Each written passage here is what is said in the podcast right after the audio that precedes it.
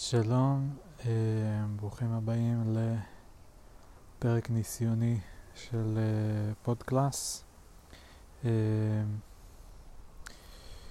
יש לי, אני חזרתי לעבודה אחרי שבוע ויש לי מלא כתבות כאלה שאני רוצה לקרוא. אני עובד בקריפטו, אז זה מלא דברים מתחום של קריפטו, מלא דברים שאנשים שיתפו.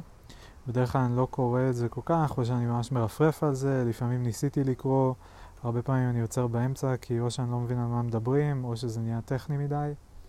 אמ, ומכיוון שאני גיליתי כבר בעבר שאם אני מקריא בקול, זה הרבה פעמים עוזר לי הרבה יותר uh, להפנים ולעבד את החומר, כי יש לי את ההזדמנות גם אה, להגיב ולשמוע את עצמי מגיב ולהתעכב ולהגיד כאילו איפה שאני לא מבין או איפה שיש לי משהו להגיד. אני מרגיש שזה, החומר אה, מופנם אצלי הרבה יותר טוב, ואז יש לזה גם את ה-added bonus שאפשר אחרי זה לשתף את זה עם מישהו ואולי מישהו איפשהו אה, יפיק מזה משהו.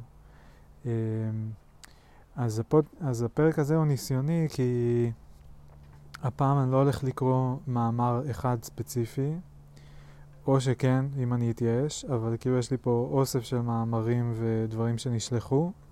אה, אני אפילו לא יודע בדיוק באיזה נושאים הם. יכול להיות שאני אתייאש באמצע מחלק מהנושאים, אה, מחלק מהמאמרים, אם זה יהיה משעמם, או שזה ירגיש לי לא רלוונטי, או שאני לא אבין כלום. ו... וזהו, ואני פשוט הולך להקליט את עצמי, עובר את התהליך הזה, ונראה עם מה אני יוצא מזה. אה, וזהו, יאללה, בואו נתחיל. אז הדבר הראשון שאני הולך לקרוא זה אה, פוסט של ויטאליק, אה, הפאונדר ולידר של איתריום. יש לו בלוג כזה שהוא מפרסם בו פוסטים, הרבה פעמים די ארוכים, הרבה פעמים מאוד טכניים, עם כזה משוואות במתמטיקה ודיאגרמות וכל מיני כאלה. אה, מצד אחד מאוד מאוד נחמד, כי הוא מאוד... אה, והם גם בדרך כלל כאילו כתובים די טוב, כאילו, לפחות במובן של... אה, תמיד הוא כזה מודה בהתחלה לכל האנשים שהוא התייעץ איתם, ושקראו את הפוסט לפני, הוא כנראה עושה תהליך אה, אה, רציני לפני שהוא מוציא משהו. אה, וגם הוא מאוד אה, סיסטמטי, נראה לי גם בחשיבה שלו וגם ב... זה בא לידי ביטוי בכתיבה. אה, הוא מסביר דברים בצורה די שיטתית. עם זאת, אני זוכר ש... או לפחות ככה אני תופס אותו בראש שלי, אני מנסה לחשוב, כי אולי יש פער בין איך שאני תופס אותו לאיך שבפועל אני חווה את הפוסטים שלו, כי, כי אני לא זוכר הרבה פוסטים שהצלחתי לשרוד עד הסוף. אה, או שאני כזה הצלחתי להבין מהם משהו שלא הבנתי קודם. אה, הרבה פעמים בתחום הזה של קריפטו יש מלא מלא פרויקטים ומלא רעיונות ומלא קונספטים חדשים וסנארקס ו-ZK סנארקס ו-fruit roll-ups, לא fruit, roll-ups ו-layer 2's ו-zero x protocol ואני מערבב פה גם מונחים ו... עם uh, חברות ספציפיות ומוצרים ספציפיים. אבל בכל מקרה, כאילו, אז הרבה פעמים אני כזה אומר, וואו, אולי סוף סוף אני אבין, אם אני אקרא את הפוסט של ויטאליק, נדמה לי שעד כה זה לא קרה, אבל uh, עדיין, כאילו, היה מעניין לשמוע מה יש להגיד, וכן קיבלתי משהו מהדברים. אז אני... Uh, אז בואו נתחיל ונראה איך הולך, ויש עוד רשימה די ארוכה של לינקים אחרים שאנשים שלחו, אז נראה מה מזה... מעניין, וזהו, מקווה שילך טוב. אה, יאללה. אז אני מתחיל. זה פוסט מה-20 בינואר 2023, אה, קוראים לו An Incomplete Guide to Stealth Addresses. אה, לא אמרתי, אבל אה, הכל הולך להיות באנגלית כנראה היום. לא כנראה, בטוח. זאת אומרת, אני אדבר בעברית, אבל הפוסטים הולכים להיות באנגלית. אה, אוקיי, אני מתחיל. Special thanks to Ben DiFrancesco, Francisco, Matt Solomon, Toni Wahrstätter and Antonio Sanso for feedback and review. מתחילים. One of the largest remaining challenges in the Ethereum ecosystem is privacy. By default, anything that goes onto a public blockchain is public. Increasingly, this means not just money and financial transactions, but also ENS names, POAPs, אין לי מושג מה זה, נראה לי proof of משהו משהו, משהו payment אני מניח, POAPs, NFTs, soulbound tokens, אין לי מושג מה זה, uh, and much more.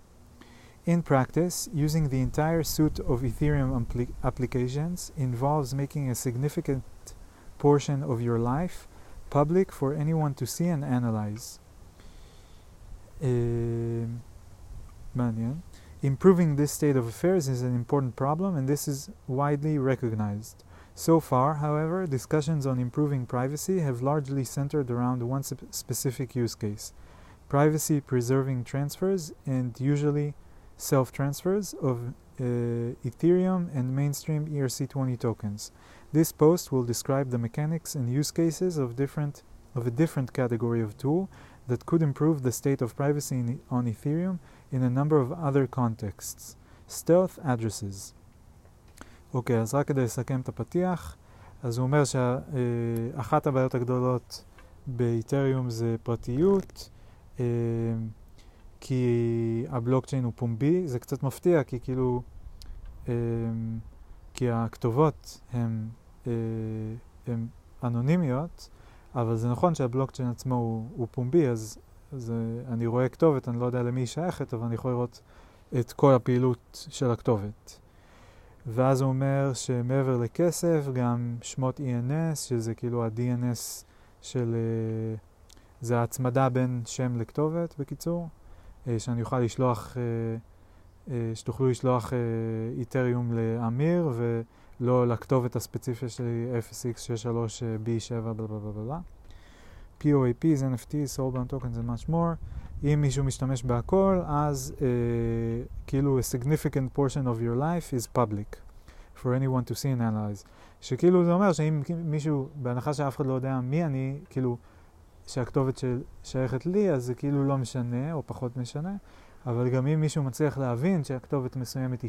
לא ובמיוחד אם יש לי ENS name וכאלה, אז, uh, אז כן, אז אפשר לראות את כל מה שאני עושה. ואז הוא אומר שלשפר את זה זה בעיה חשובה, וזה widely recognized, uh, ואז הוא מדבר על השיח הקיים, שהתמקד בעיקר ב-use case אחד ספציפי, שזה privacy preserving transfers, and usually self transfers, שזה אומר מישהו מעביר מכתובת אחת שלו לכתובת אחרת שלו, כאילו לעצמו. Uh, והוא לא הולך לדבר על זה, אם אני מבין נכון, אלא על משהו אחר, שהוא אה, משהו שהוא קורא לו stealth addresses, שאני לא יודע מה זה, ואנחנו תכף נגלה ביחד. ממשיכים. What is a stealth address system? Suppose that Alice wants to send Bob an asset. This could be some quantity of cryptocurrency, for example, one Ethereum or 500 RAI, or it could be an NFT. When Bob receives the asset, he does not want the entire world to know that it was he who got it. Hiding the fact that a transfer happened is impossible, especially if it's an NFT of which there is only one copy on chain. But hiding who is the recipient may be much more viable. Alice and Bob are also lazy.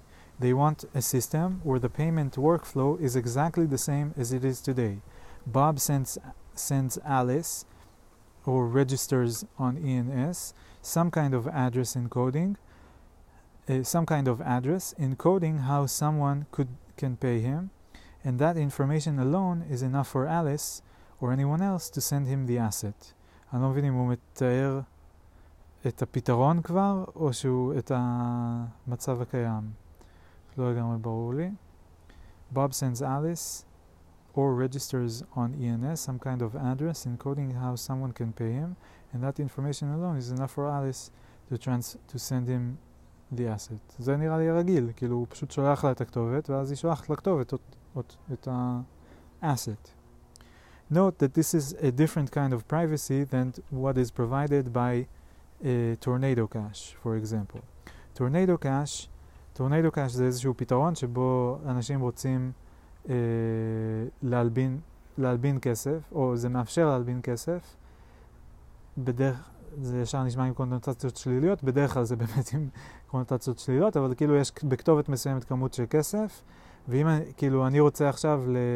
וה, והכסף הזה נגיד אה, הוא נגנב, כסף גנוב, ואני רוצה עכשיו להוציא אותו מהעולם של הקריפטו, אני רוצה to cash out. אז אם אני אקח את זה לאקסצ'יינג' הם יגידו לי לא, לא, לא, חביבי, אנחנו רואים שהכסף הזה הוא גנוב, אז אנחנו לא מוכנים. וכולם, ואם אני אשלח את זה לכתובת אחרת, ואז לכתובת אחרת, ואז לכתובת אחרת, עדיין אפשר לעקוב אחרי זה. אז טורנדו קאש זה איזשהו פתרון כזה שהוא אה, מין מערבל כסף כזה, כאילו כל מיני אנשים שולחים לו אה, כסף מצד אחד, ואז כל מיני אנשים מושכים כסף מצד שני, ואי אפשר לקשר בין כסף מסוים שנכנס מצד אחד לכסף מסוים שנכנס מצד שני. זה כמו כזה שמלא אנשים שופכים מים לבריכה, ואז אה, באים אנשים אחרים ולוקחים מהמים מהבריכה, ו, אה, ואי אפשר לדעת, לא, זו לא דוגמה טובה. זה כמו ש... כן, זו דוגמה חצי טובה. אוקיי, אני אמשיך.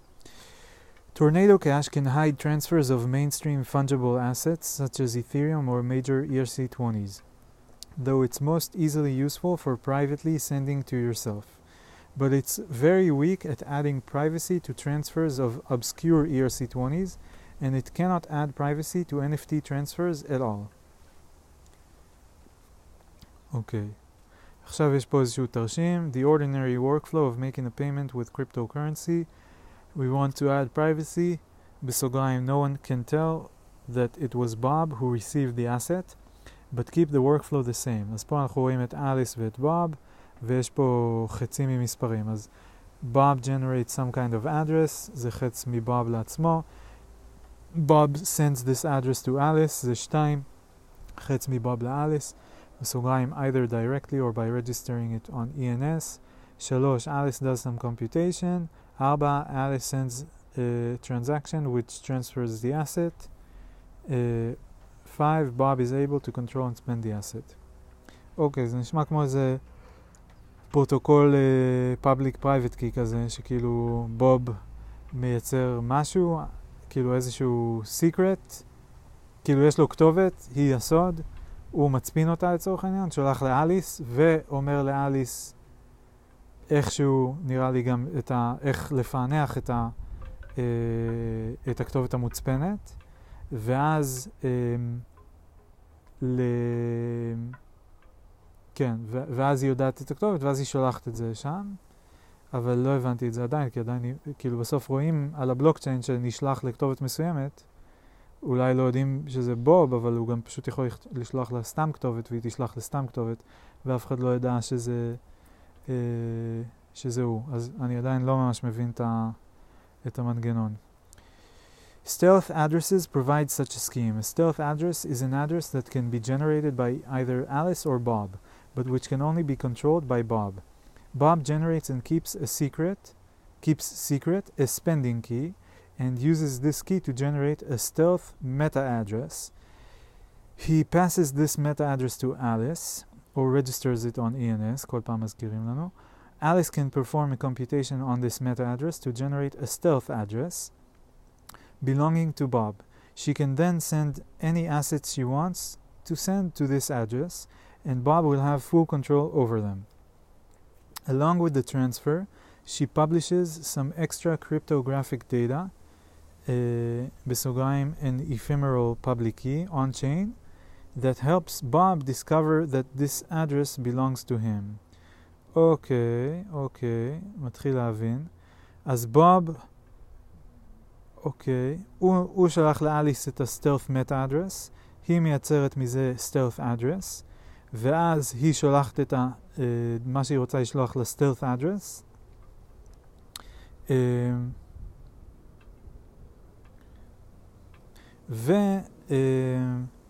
ובנוסף לזה היא גם אה, אה, מעלה על הבלוקצ'יין איזשהו מידע קריפטוגרפי שנקרא Ephemeral Public Key, שהוא אה, מגלה לבוב איפה למצוא את הכתובת שלו.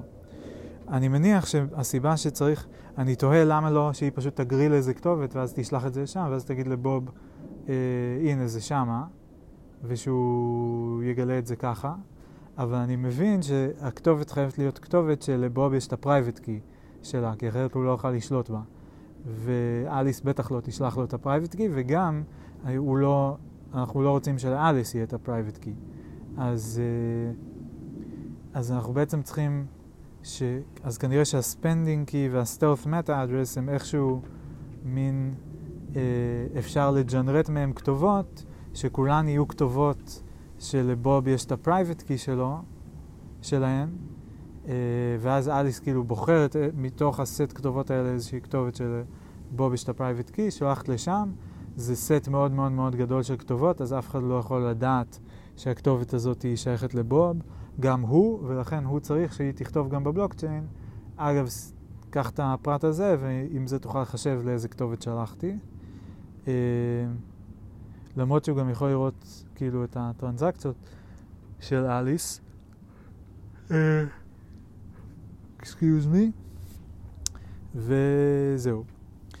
Another way to look at it is stealth addresses give the same privacy properties as Bob, generating a fresh address for each transaction, but without requiring any interaction from Bob. הבנתי. אוקיי, אז כאילו שהוא כל פעם מייצר משהו חדש, וכאילו לכל טרנזקציה הוא יוצר כתובת חדשה.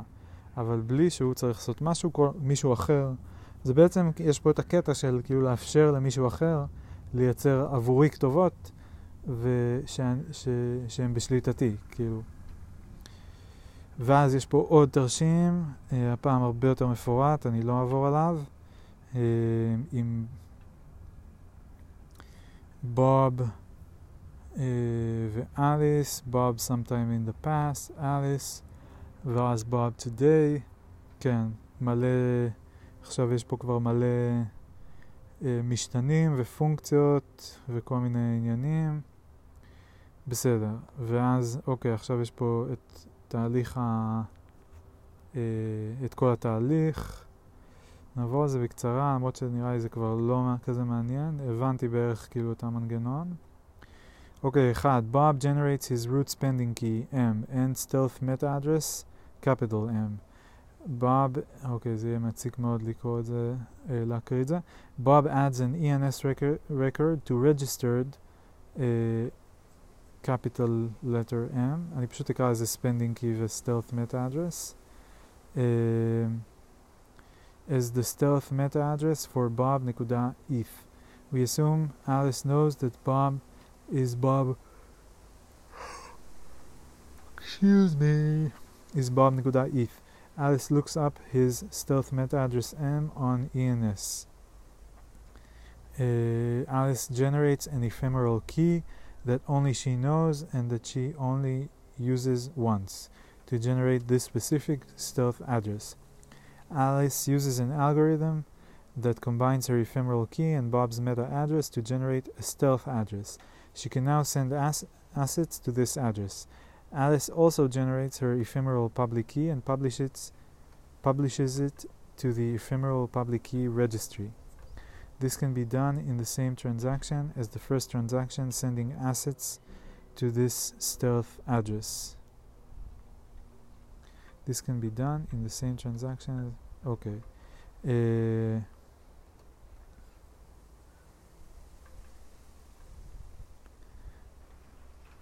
אז היא מייצרת ה-ephemeral public key ו-publishes it to the ephemeral public key registry. Okay, uh, for Bob to discover st uh, stealth addresses belonging to him, Bob needs to scan the ephemeral public key registry for the entire list of ephemeral public keys published by anyone for any reason since the last time he did the scan.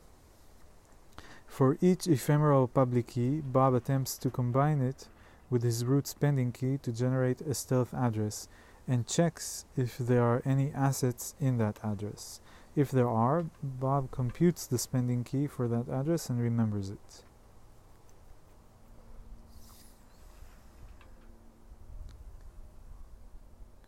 For each ephemeral Mm. אז הוא צריך לעבור על כל ה-ephemeral public keys ברג'יסטרי שהוא עוד לא עבר עליהם, כי הוא לא יכול לדעת מה שייך אליו. כל אחד מהם הוא צריך ל, אה, לחבר את זה עם ה-root spending key שלו, כדי לייצר איזשהו stealth address ולבדוק אם יש שם איזה שהם assets uh, in that address. Uh, if there are, Bob computes the spending key for that address and remembers it. This all relies on two uses of cryptographic trickery. First, we, first, we need to, a pair of algorithms to generate a shared secret. One algorithm which uses Alice's secret thing, her ephemeral key, and Bob's public thing, his meta address, and another algorithm which uses Bob's secret thing, his root spending key, and Alice's public thing, her ephemeral public key. This can be done in many ways. Uh, Diffie-Hellman key exchange was one of the results that founded the field of modern cryptography, and it, it accomplishes exactly this. But a shared secret by itself is not enough. If we just generate a private key from the shared secret, then Alice and Bob could both spend from this address. We could leave it at that, leaving it up to Bob to move the funds uh, to a new address, but this is insufficient and needlessly reduces security. יפה, אז פה נוגע בנקודה שאמרתי מקודם, שכאילו, אה, שגם לאליס יש את היכולת, כאילו יש לה גם את ה-private key של הכתובת. אז, ואנחנו לא רוצים שיהיה, אנחנו רוצים שרק לבוב יהיה. So we also add a key blinding mechanism, a pair of algorithms where Bob can combine the shared secret with his root spending key, and Alice can combine the shared secret with Bob's meta address in such a way that Alice can generate the stealth address and Bob can generate the spending key for that stealth address, all without creating a public link between the stealth address and Bob's meta address, or between one stealth address and another. אוקיי, okay, ונראה לי שפה אנחנו נעצור. הסקשן הבא נקרא Stealth Addresses with Elliptic Curve Cryptography. Uh, אז uh, that's where I draw the line, ומתחילות להיות פה כל מיני uh, uh, משוואות ופונקציות. אני מאוד אוהב את הדברים האלה, וגם הייתי מאוד שמח כאילו לה, להבין את, את זה, ו... אבל אני מרגיש שאני צריך לשבת עם מישהו שמבין את זה כדי פעם אחת להפנים את זה uh, עד הסוף. Uh, ו... אז בכל אופן אני אדלג על הסקשן הזה, בואו נראה אם יש פה עוד סקשנים מעניינים. בואו נדלג על הסקשן הבא. Stealth addresses and paying transaction fees. Suppose that someone sends you an NFT mindful of your privacy. They send it to a stealth address that you control. After scanning the ephemeral public keys on chain, your wallet automatically discovers this address. You can now freely prove ownership of the NFT or transfer it to someone else. But there is a problem. That account has zero ETH in it, and so there is no way to pay transaction fees. Hmm Even ERC 4337 token paymasters won't work because those only work for fungible ERC20 tokens and you can't send ETH into it from your main wallet because then you're creating a publicly visible link. Hmm. נקודה מעניינת. יש פה איזה מים של איזשהו מישהו נראה באיזה תוכנית ריאליטי או משהו, כתוב What am I gonna do? והקפשן כתוב Inserting memes of 2017 era or older crypto scam figures אה, זה של ההוא מביט פינקס? ביט משהו? לא, לא ביט פינקס. אחד הסקאמרס. Uh, is an important technique that writers can use to signal erudition and respectableness because it shows that they have been around for a long time and have refined tastes and are not easily swayed by current thing scam figures like SBF. זה כאילו בדיחה של ויטאליק נראה לי. Uh, מה זה erudition? תבונה? learning, למידה. the quality of having or showing great knowledge or learning. אז עוד פעם.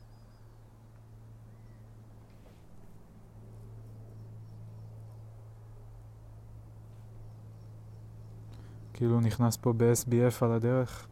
מעניין אם הם היו חברים, בטח הם נפגשו. סאם בנקמן פריד מ-FTX. Uh, there is one easy way to solve the problem, just use ZK Snarks. Oh, איזה כיף שהגיעו ה-ZK Snarks.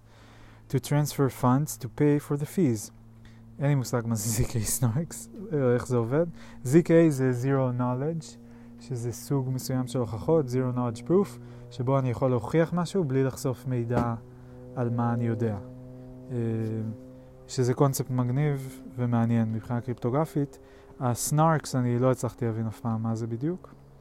Uh, but this costs a lot of gas and extra hundreds of thousands of gas just for a single transfer.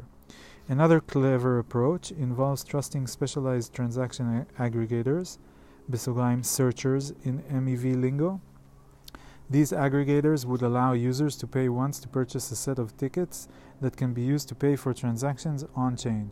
When a user needs to spend an NFT in a stealth address that contains nothing else, they provide the aggregator with one of the tickets encoded, using a Chaumian blinding scheme.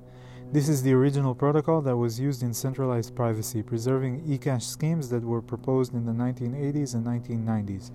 The searcher accepts the ticket and repeatedly includes the transaction in their bundle for free until the transaction is successfully accepted in a block.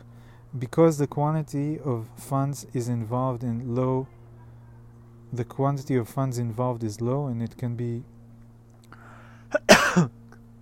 and it can only be used to pay for transaction fees Trust and regulatory issues are much lower than a full implementation of this kind of centralized privacy preserving eCash. טוב, הסקשן הבא נקרא Stealth Addresses and Separating Spending and Viewing Keys. Suppose, אני כאילו לא מתעניין בכל הפרטים הטכניים בדיוק, חשוב לי להבין את המנגנון בערך, וחשוב לי להבין את ה... את הצורך. זה גם מה שמעניין אותי, כאילו התרחישים השונים ואיך פותרים אותם באמצעות מנגנון מסוים, ואז איזה בעיות עולות, כאילו מקרה קצה וכאלה, ואיך פותרים את זה, זה בעיקר מה שמעניין אותי. Suppose that instead of Bob just having a single master root spending key that can do everything, Bob wants to have a separate root spending key and viewing key. The viewing key can see all of Bob's stealth addresses but cannot spend from them. Uh,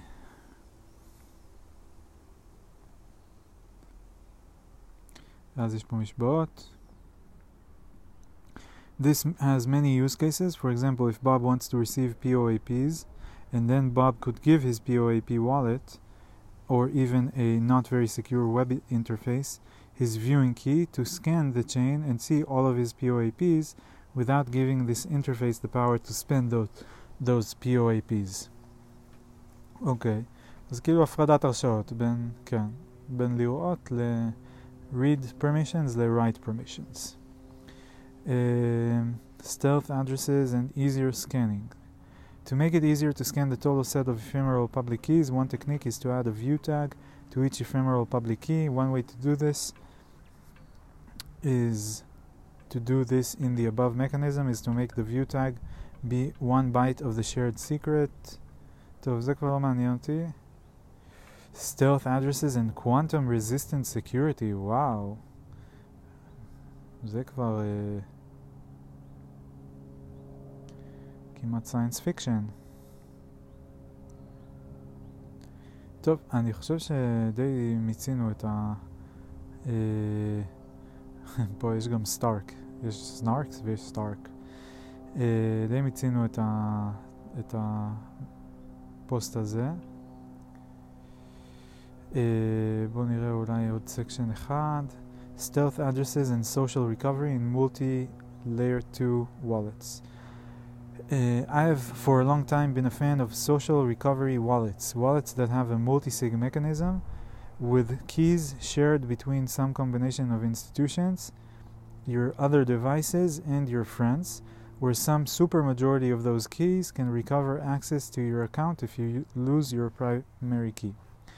Uh, אני אגיד הערה שכאילו בקריפטו הכל מבוסס על זה שלכל אחד יש כתובת או כמה כתובות, ולכל כתובת יש מפתח שהיא כמו סיסמה, ורק מי שיש לו אותו מפתח יכול לשלוט בכתובת. שזה בדיוק כמו שבג'ימייל לכל משתמש יש כתובת, יוזר, ויש לו סיסמה, ורק מי שיש לו את הסיסמה יכול להיכנס לג'ימייל. מה ההבדל? שכשאני שוכח בטעות את הסיסמה שלי לג'ימייל, אני יכול אה, ללחוץ על הכפתור של forgot my password, ואז אה, הם ייצרו איתי קשר דרך אה, גוגל, כאילו ייצרו איתי קשר במייל אחר, או דרך הפלאפון, או משהו כזה, או הם ישאלו אותי כמה שאלות, אה, מה השם הקודם, שם המשפחה הקודם של אימא שלי, מתי אה, אה, פעם ראשונה התנשקתי, אה, באיזה בית ספר אה, יסודי אה, למדתי, כל האלה. ואז אה, אם אני אענה נכון, אז הם יגידו, טוב, זה באמת אתה, ואז הם יביאו לי אה, לינק שבו אני יכול להחליף מחדש את הסיסמה. הבעיה בקריפטו זה שאין את הגוגל הזה, אין מישהו אחד שיש לו הרשאות יותר מכולם, שהוא יכול להגיד כזה, אה, ah, שכחת את הסיסמה, בוא נאפס לך. אין את זה. איבדת את הסיסמה, אף אחד לא יודע אותה. אין מישהו אחר שיכול לדעת אותה, זה כל המנגנון. ואז מצד אחד זה נחמד, זה אומר שאין איזה גוגל כזה שגם יכול לקרוא את המיילים שלי, או לשנות לי את הסיסמה בלי שאני אבקש, או כל מיני תרחישי קיצון כאלה, שאני לא חושב שיש מה לדאוג אה, במקרה של גוגל, אבל שהם בכל מקרה הם אופציה, כאילו יכול להיות שמישהו בגוגל קרא לי את המיילים, ובכל מקרה הם אופציה בכל מודל שבו יש uh, centralized hierarchy או centralized structure, שיש איזשהו גורם אחד שיש לו הרשאה מלאה על הכל וכל השאר הם בהרשאות uh, פחות. Uh, בניגוד לקריפטו שאין את זה, כולם באותה מידה, או אותה רמה של הרשאה, אותו סוג של שחקנים.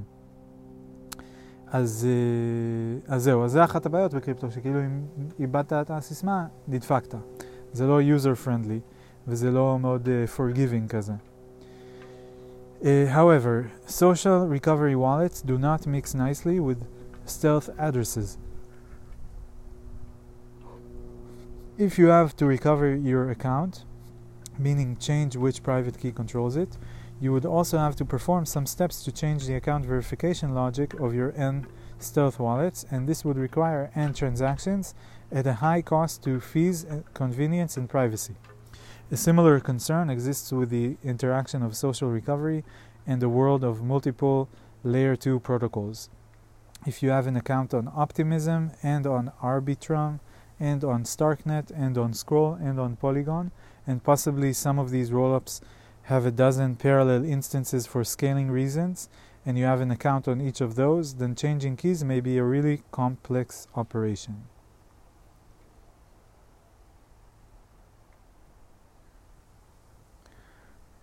יש פה די... עכשיו ציור דיאגרמה, סגנון uh, קריפטו כזה מוזר. Uh, רואים דוב פנדה יושב uh, על uh, דשא, ומאחוריו יש עצים שיש עליהם מלא מלא מפתחות, וכתוב Changing the keys to many accounts across many chains is a huge effort. מעניין אם זה ויטאליק צייר. One approach is to bite the bullet and accept that recoveries are rare and it's okay for them to be costly and painful. Perhaps you might have some automated software transfer the assets onto uh, out into new stealth addresses at random intervals over a two week time span to reduce the effectiveness of time based linking. But this is far from perfect. Another approach is to secret share the root key between the guardians instead of using smart contract recovery. However, this removes the ability to, de- to deactivate a guardian's power to help recover your account, and so is long run risky. Uh, טוב, זה כבר, זה לא מעניין כבר, נקפוץ ל-conclusions וזהו, סיימנו את זה. Conclusions Basic stealth addresses can be implemented fairly quickly today and could be a significant boost to practical user privacy on Ethereum. They do require some work on the wallet side to support them. That said, it is my view that wallets should start moving toward a more natively multi-address model, e.g. creating a new address for each application you interact with could be one option. For uh, start moving toward a more natively multi-address model. Okay. For other privacy-related reasons as well. However, stealth addresses do introduce some longer-term usability concerns, such as difficulty of social recovery. It is probably okay to simply accept that these concerns for now uh, to accept these concerns for now, e.g., by accepting that social recovery will involve either a loss of privacy or a two week delay to slowly release the recovery transactions to the various assets, which could be handled by a third party service. In the longer term, these problems can be solved, but the stealth address ecosystem of the long term is looking like one that would really heavily depend on zero knowledge proofs. Okay. Uh, מעניין, אז הבנתי את הבעיה, הבנתי את הפתרון המוצע. אמ, בא לי להגיב לזה רגע ולהגיד ש... כמו עם הרבה דברים בקריפטו, אני כאילו, אני לא יודע, אני מרגיש שמין כזה, זה נהיה יותר מורכב ויותר מסובך, ופותרים עוד איזה מקרה קצה ועוד איזה מקרה קצה, ו... ואני כאילו אומר, זה באמת נחוץ? כאילו, זה באמת... מי, מי כאילו, למי... מי מנהל את כל האסטים שלו בקריפטו היום, על איתריום? כאילו, מי, מי משתמש בכל ה... זה, זה כאילו לפעמים מרגיש שכזה, יש שם איזה מין, זה כזה, כאילו, אקו סיסטם כזה עם מלא מלא מלא אפליקציות. יש אפליקציה אחת שכולם אה, באים בשבילה, שזה אה, פשוט להשקיע בכס, כאילו, בורסה, כאילו פשוט... לשים כסף על משהו ושהוא יעלה ואז למכור אותו ולצאת ברווח. וכל השאר מסביב זה כל מיני רעיונות אופורטוניסטיים כאלה של אה, לעשות את זה בצורה כזאת ולעשות בצורה כזאת וכאילו... ואז אני לא לגמרי מבין, כאילו... יכול להיות שאני חי בסרט ואני כאילו עומד בשוליים, אני בקושי משתמש בזה, אה, ויש אנשים שממש חיים בתוך העולם הזה ולהם זה משנה וכולי. אבל uh, אני אומר, גם אם יוסיפו את הדבר הזה, לכמה אנשים זה יפתור בעיה? כאילו, והאם באמת זה אותם תת קבוצה של אנשים שהם כזה ממש ה-heavy users של איתריום, שמשתמשים שם בהרבה דברים וזה, uh, וחוששים uh, לפרייבסי שלהם, שגם, למה, כאילו מאיזה סיבה, לא ברור לי בדיוק, אבל... אה, ושלא מספיק להם שכאילו שהם יכולים פשוט ליצור מלא כתובות ואף אחד לא יודע לקשר, או שמישהו יצטרך ממש לעשות מחקר אשתי כדי לקשר בין הכתובות שלהם. אז באמת לאנשים האלה, כאילו זה האנשים שצריך לפתור להם את הבעיות ולא לכזה יותר mass adoption, כאילו שעוד אנשים ישתמשו בזה בכלל, שזה יחליף אה, וישפר מוצרים קיימים, שזה יחליף את הבנקים כמו שזה הבטיח לעשות. בהתחלה אה, זה מרגיש לי נורא נורא נישתי ונורא לא מעניין. כאילו אותי זה לא מעניין, אני לא צריך את זה. יש לי איזה, לא יודע, נגיד אה, שש כתובות, אני משתמש בתכלס בשתיים, אה, אחרות זה כזה, השתמשתי במשהו נקודתי וזה כבר לא רלוונטי. אה, זהו, לא יודע, כאילו, שם מדי פעם קונה, מוכר, היה תקופות שקצת יותר, אולי עכשיו פחות. אולי אני לא טיפיקול, אה, אבל אה, זהו, לא ברור לי אז כאילו אם זה, מה, כמה צורך יש בדבר הזה ומאיפה זה עלה. אני אומר, אולי ויטאליק, הוא נפגש עם אנשים, הוא מדבר, הוא מעורה, הוא שומע מהשטח, לא יודע.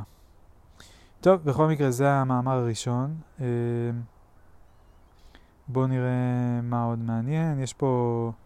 איזה טוויטר שמישהו שלח על איזושהי כתובת שקנתה אמ, ומכרה איזשהו טוקן בדיוק בעשר דקות לפני ואחרי שעשו איזושהי הודעה על זה שהטוקן הזה הולך להיות enlisted על בייננס, uh, שזה אקסצ'יינג גדול, מה שאומר שכאילו ברגע שהוא enlisted כנראה שהערך שלו הולך לעלות, זאת אומרת שזה נראה כאילו מישהו ידע, אז הוא קנה מלא לפני ואז מכר מיד אחרי.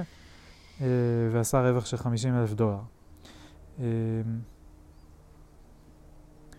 אוקיי, לא ניכנס לזה. אה, יש פה כתבה uh, Introducing Proof of Innocence Built on Tornado Cache. זה דווקא מעניין אותי, אז נראה לי שלזה אני אכנס. Uh, 3 minute read, אוקיי. Okay. וואו, מה זה לא נראה לי 3 minute read, אבל בסדר, נראה לי 15 minute read, 12 minute read, בואו נראה. Introducing Proof of Innocence Built on Tornado Cache, זה פוסט שהועלה על ידי Chainway, אני לא מכיר את החברה הזאת, בואו נשמע. Tornado Cache is a popular protocol on Ethereum that allows users to make private transactions by breaking the on-chain link between the recipient and destination addresses. However, there may be instances where a user wants to demonstrate that their use of Tornado Cash is above board and not related to any illicit activity. That's where proof of innocence comes in. Proof of innocence is a tool that allows users to prove that their withdrawals from Tornado Cash are not from a list of specific deposits, of specified deposits, selected by the user themselves. This allows users to clear their name and demonstrate their innocence without revealing their identity. Check out the demo applications at poi.chainway.xyz to see proof of innocence in action. זה מצחיק. אוקיי, מעניין. זה גם, כאילו, זה מין, אני... אוקיי, רגע, בוא נחזור על מה זה ואז אני אגיד מה דעתי על זה. אז יש טורנדו קאש, שאמרנו, זה מאפשר לשבור, כאילו בבלוקצ'יין כל הטרנזקציות הן פומביות, מה שאומר שאם uh, A מעביר ל-B ו-B מעביר ל-C ו-C מעביר ל-D, אז אפשר לראות את כל השרשרת הזאת. אפשר לראות ש-A העביר ל-B ואז B ל-C ואז C ל-D. Uh, מכיוון שכסף הוא נזיל, אז אם A העביר ל-B וגם uh, X העביר ל-B ואז B העביר ל-C, אז אי אפשר לדעת אם מה ש-B העביר ל-C זה מ-X או מ-A. אין לזה ממש משמעות, כאילו, זה, אה, זה כסף פשוט, אז כאילו, הוא קיבל עוד כסף ואז הוא העביר את הכסף. זה מכיוון שזה fungible, מה שנקרא, שזה אומר שזה חליף, שכל שקל הוא שקל וזה לא משנה אם זה השקל הזה או השקל הזה, ולמעשה אין אפילו דרך להבדיל בין השקל הזה לשקל הזה, אה, כשזה דיגיטלי, כלומר, ולא מטבע פיזי שמחזיקים ביד, אז... אה, אה, אז זה זז. אז כאילו, אז, אז אי אפשר להגיד אם הכסף ש-B העביר ל-C הוא מ-A או מ-X, אבל אפשר לדעת שזה, אפשר להגיד שזה ערבוב, או אפשר, אפשר להגיד שכאילו זה מין כמו אה, זרמים של מים כזה, כמו שני אה, נחלים שמתחברים לתוך נהר, ואז בתוך הנהר כבר אי אפשר להגיד איזה מהמים הגיעו מאיזה אה, נחל. אבל אפשר להגיד שהמים הגיעו משני הנחלים. זה מטאפורה די טובה נראה לי. אז מה הקטע עם טורנדו קאש? אז טורנדו קאש זה מין אה, נהר כזה, או יותר נכון בריכה, שמלא נחלים נשפכים אליה, ואז בצד השני כל, אה, מלא נחלים יוצאים. ואז כאילו אי אפשר לדעת אה, איזה נחל יגיע, הגיע מאיפה. אולי נדמיין שכל אחד מהנחלים שנכנסים יש לו צבע שונה. ואז בפנים הכל מתערבב, ואז כשזה יוצא בצד השני זה צבע מעורבב, אז אי אפשר להגיד כאילו, אוקיי, הצבע הזה, זה הנחל המספר 12, הוא הנחל האדום ממקודם, כי אי אפשר לקשר. זה, ה, במובן הזה זה כאילו עושה אבסטרקציה בין מה שנכנס למה שיוצא. ואז אה, בשביל מה אנשים משתמשים בזה? אז בין היתר כדי להלבין את הכספים הגנובים שלהם. אבל אז מה הבעיה? שיש אנשים שרוצים להשתמש בזה for privacy reasons ולא for uh, stealing reasons, והם רוצים אחרי זה uh, להוציא את הכסף שלהם uh, ושיהיה להם אפשרות לעשות את זה בלי שהם יהיו מקושרים לכסף גנוב. אז זה בעצם הבעיה שהדבר הזה בא לפתור. וה-proof of innocence, שאני אוכיח שהכסף שאני הוצאתי, הנחל ה... חום בז' המעורבב של כל הצבעים שאני הוצאתי, הוא לא מכיל את הנחל האדום, הוא לא מכיל בכלל את הנחל האדום, הוא לא הגיע, הוא לא קשור לנחל האדום הגנוב של הכסף הגנוב שנכנס בהתחלה פנימה. זה, ה, זה כאילו המטרה. ואני כבר שואל את עצמי כזה שוב, האם זה מין... אני מין כזה מצד אחד, אוקיי, אני מבין את הצורך, כאילו, ברור, כן, רוצים, יש אנשים שרוצים טורנדו קאש לא בשביל לגנוב, והם לא רוצים להיות מקושרים לגנבות שעוברות שם, אבל הכסף הגנוב. אז צריך את זה.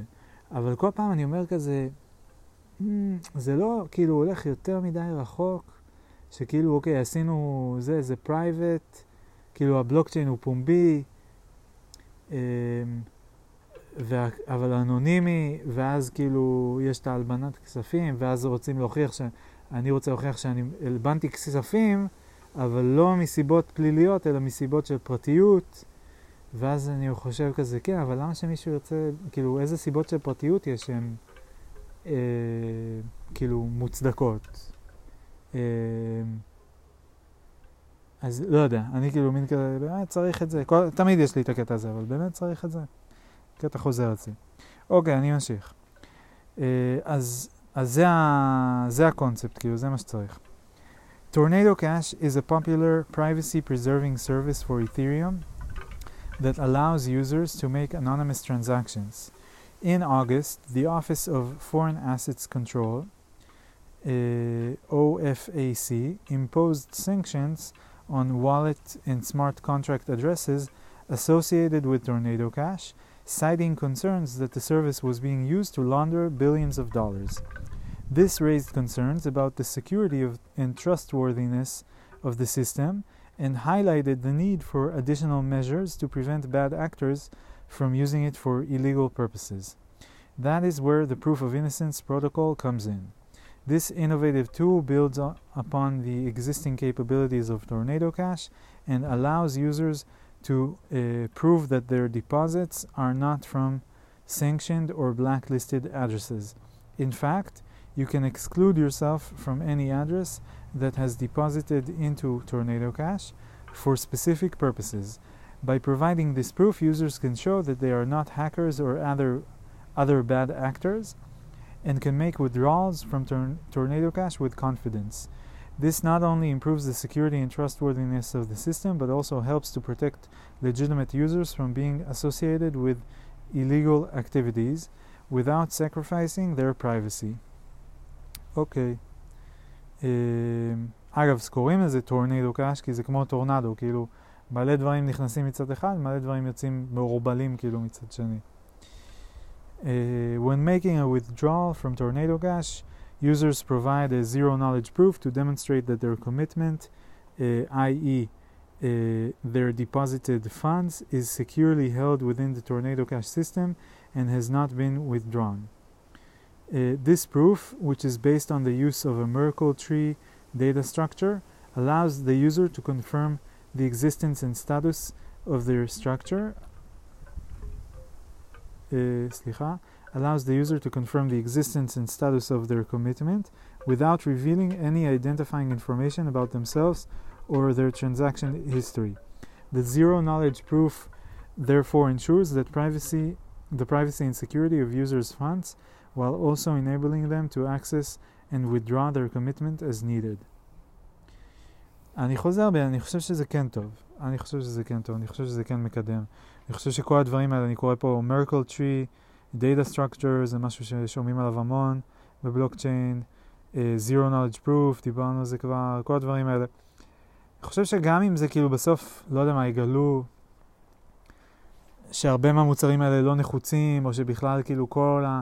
קריפטו לא מאפשר שום דבר אה, שהוא היה, הבטיח שהוא יאפשר, אלא רק אה, השקעות ומין כאילו קצת אה, השקעות ספקולטיביות שהן על גבול ההימורים. עדיין היה פה תהליך מאוד מעניין של למידה אה, גלובלית, של קהילה גלובלית שמנסה לפתור פתרונות, שמנסה לייצר אה, מערכת עם תכונות מסוימות של... אה, אה, פרטיות, של אה, מהירות עבודה וכל מיני דברים כאלה, ו, אה, ולחשוב איך מארגנים מידע בצורות מסוימות, איך מזרימים מידע בצורות מסוימות. במובן הזה זה מעניין מאוד. Uh, The proof of innocence protocol adds an additional layer to this process by allowing users to pro prove that their commitment is not in a given list of commitments. This helps to ensure that the user is not a hacker or other bad actor who has been sanctioned or flagged for illegal activities. To create this proof, the user provides the blacklisted commitments and constructs a sparse Merkle tree of this blacklist. This allows the user to easily and efficiently prove that their commitment is not in the blacklist. This proof can then be verified by anyone. The proof of innocence protocol is uh, open source and available on GitHub. Last words, please note that use of proof of innocence is at your own risk. Chainway values the importance of open source projects and welcomes any feedback on proof of innocence. We encourage users to thoroughly evaluate the tool before using it and handle their private keys and Tornado Cash notes with care. אוקיי. מעניין, יפה. נקסט. Uh,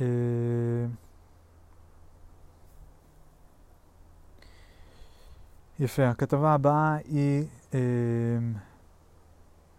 מ, היא נקראת Regulate Web 3 Apps, Not Protocols, Part 3, The Web 3 DAO Dilemma. Uh, in, זה, אוקיי, זה כן מעניין אותי, בואו נקרא את זה. Uh, זה כתבה בבלוג של uh, A16Z, uh, שזה אנדרסין הורוויץ, הקרן השקעות של אנדרסין הורוויץ, uh, כך קוראים להם? לא? להם? Uh, והם נכנסו די חזק לקריפטו, והם גם כותבים מאמרים, בדרך כלל די מושקעים כמו ויטאליק. וואי וואי, איזה מאמר ארוך. טוב. Uh, טוב, בואו נראה כמה מזה אני אשרוד, אולי אני, אני בט, בטח אדלג על חלק אם לא הרוב. Uh, בואו נתחיל. Regulate Web 3 Apps, Not Protocols. Part 3, The Web 3 DAO Dilemma. Uh, this is the third part in a series, Regulate Web 3 Apps, Not Protocols, um, which establishes a Web 3 regulatory framework that preserves the benefits of Web3 technology and protects the future of the Internet while reducing the risks of illicit activity and consumer harm. The central tenet of the framework is that businesses should be the focus of regulation, whereas decentralized autonomous software should not. Okay, מעניין, טענה מעניינת. תגובה ראשונית, אני לא חושב. זה כאילו מרגיש לי כמו לעשות רגולציה על חברות רכב במקום על ה... לבדוק את הרכבים עצמם. ואני אומר, נראה לי כדאי לעשות גם וגם. כאילו, בטוח כל רכב צריך לעבור טסט. אולי זה לא בדיוק רגולציה, אבל זה יותר כמו אודיט כזה.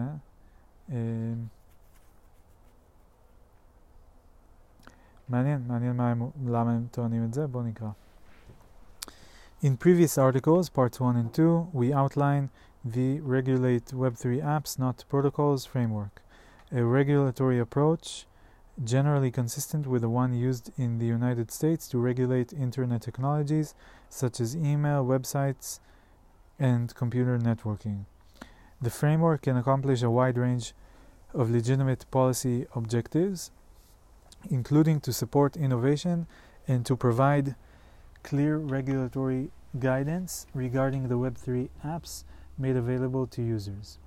Although the framework is intended to encourage the adoption of regulations that can lead to designers, developers, and other builders to create compliant Web3 apps, the framework does not, as currently constructed, fully address the potential for bad actors to exploit the unique characteristics of Web3 technology to profit from the circumvention of well intentioned app based regulation. In particular, this issue arises due to the value accrual and semi autonomous activity that Web3 protocols make possible. Together, these characteristics enable the decentralized autonomous organizations, DAOs, that maintain and administer the affair of Web3 protocols to operate more like businesses than software, yet still be positioned outside the scope of app based regulation. We call this problem the Web3 DAO dilemma. עוד פעם, אז DAO זה Decentralized Autonomous Organization, זה כאילו לקחת את הקונספט של Decentralized אה, לארגונים, כמו שבמערכות אה, יחסים, כאילו במערכת יחסים בין, אה, בין לקוח לגוגל, אז כאמור גוגל היא ה-centralized entity וכל הלקוחות הם, כאילו היא ה-central node וכל הלקוחות הם כזה leaf nodes. ו... ו-decentralized בעצם אומר שכאילו, שאין את ה-central node, יש רק את ה-leaf nodes או את ה-network nodes או איך שקוראים לזה. אז באותו אופן DAO זה כאילו אומר, אה, בואו לא נעשה שתהיה היררכיה כזאת שיש אנשים ומתחלקים לצוותים ולכל צוות יש ראש צוות ולכל אוסף של ראשי צוותים יש ראש מדור ולכל אוסף של ראשי מדורים יש ראש תחום וכולי וכל הדבר הזה, אלא אה, בואו נעשה שכולם יהיו שפשוט תהיה קבוצה שטוחה של אנשים, לאו דווקא כולם עושים את אותו תפקיד, אבל לכולם באיזושהי מידה יש אה, אותה, אה, את אותן סמכויות. אף אחד לא יכול להחליט על מישהו אחר, והקול של כולם אה, נספר באותה מידה. לי יצא לעבוד בארגון מהסוג הזה לפני שנה, במשך חצי שנה, אה, או לפחות ארגון שהצהיר על עצמו ככזה. אה, אני הרגשתי שבפועל זה היה... זה היה די קשקוש, כי עדיין היו תפקידים, היו מתכנתים, אה, אני בהתחלה הייתי מתכנת, אחרי זה הייתי ראש צוות מתכנתים, אז אני אמרתי למתכנתים מה לעשות, הנחיתי אותם. אה, היה לי סופיריור אה, שאני דיווחתי אליו מההתחלה, וגם כשהייתי ראש צוות. היו אנשים שהתעסקו במרקטינג, היו אנשים, היה מעצב, היו אנשים שהתעסקו ב...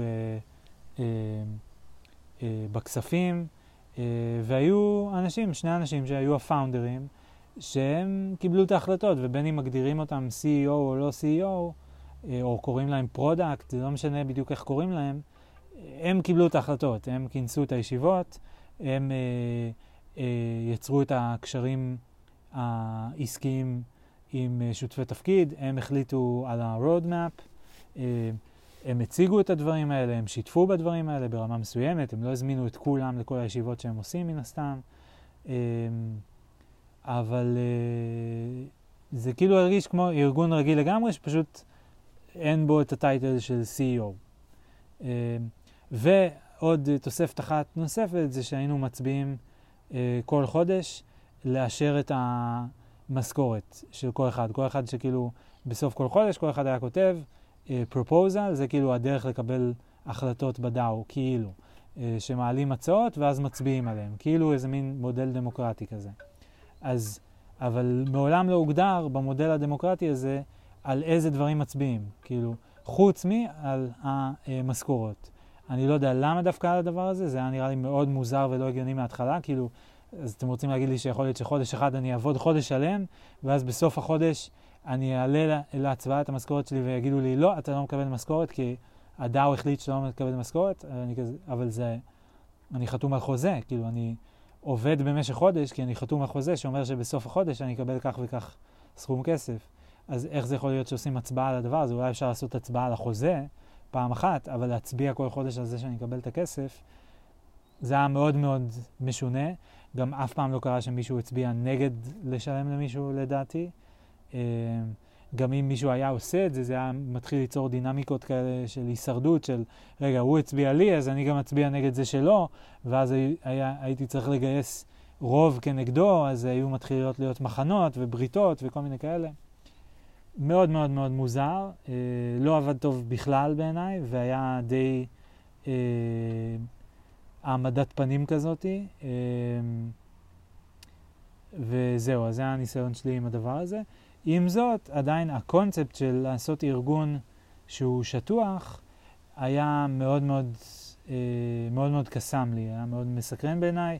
אני חושב שארגונים היררכיים יש להם איזושהי, יש להם הרבה יתרונות, אבל יש להם גם המון חסרונות. אני חושב שאנשים למעלה נהיים אה, מנותקים ממה שקורה למטה הרבה פעמים.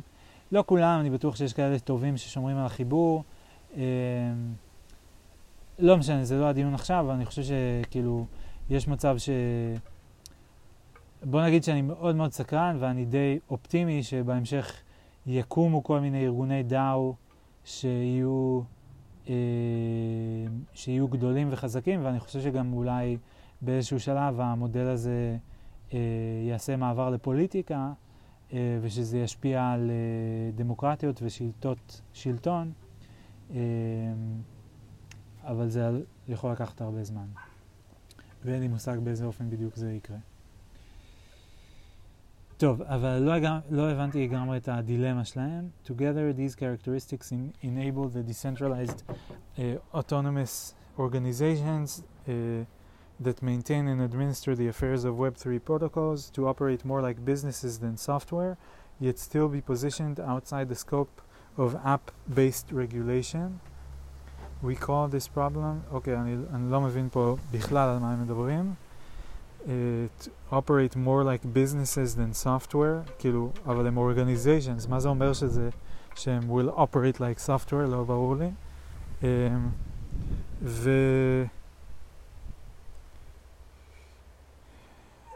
yet still be positioned outside the scope of app-based regulatory, app-based regulation.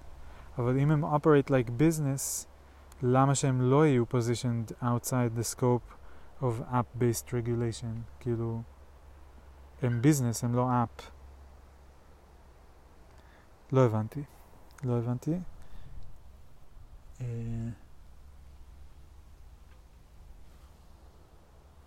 בסדר. נמשיך. To overcome the Web3 DAO dilemma, it is necessary to add safeguards that augment the framework, align incentives towards regulatory compliance, and ensure that the legitimate policy objectives of Web3 app based regulations can be achieved. However, such safeguards must be carefully designed so as not to jeopardize any of the fundamental principles of protocols, which must be open source, decentralized, autonomous, standardized, censorship resistant, and permiss- permissionless in order to foster an open, free, and credibly neutral internet.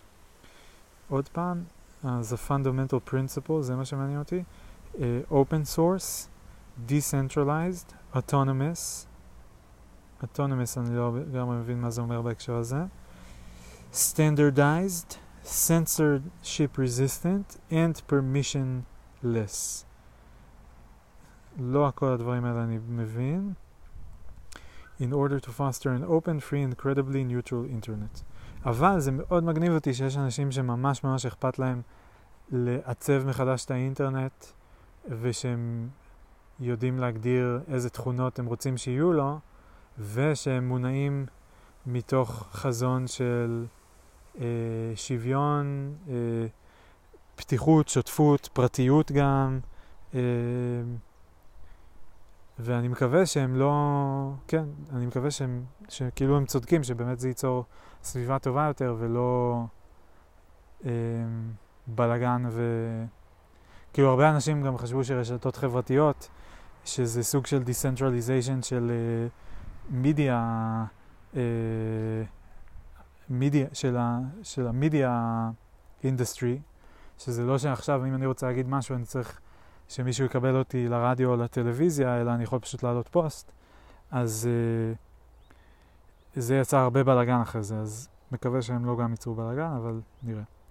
In this thir third part of our series, we describe the Web3 DAO dilemma in detail and discuss the importance of DAOs in Web3. In addition, we demonstrate how policymakers and regulators can design safeguards within the bounds of the framework to address the dilemma, and then provide protocol and decentralized governments governance design tips to enable compliance with such safeguards, all while protecting the fundamental principles of protocols. The Web3 DAO dilemma.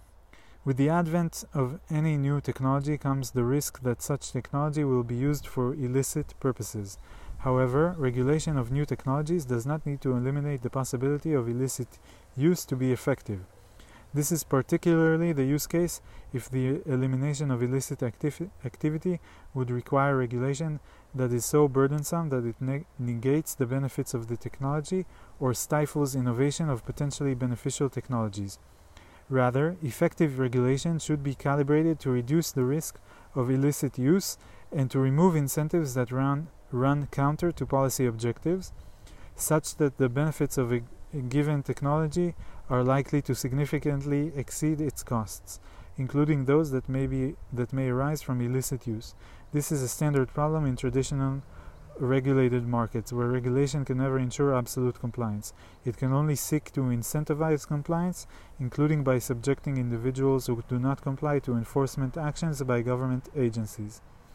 For the internet, this has historically meant that governments around the world has have foregone regulation of Web 1 protocol, uh, communication communications protocols such as HTTP, בסוגריים Data Exchange for Websites, SMTP, email, and FTP, file transfers, even though bad actors can and do use them to facilitate illicit activity.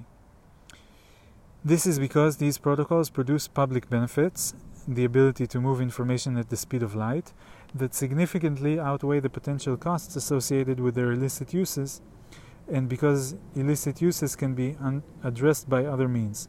For instance, the United States does not require SMTP to block phishing emails, but it does regulate businesses operating email apps and pursue individuals that perpetrate crimes via email.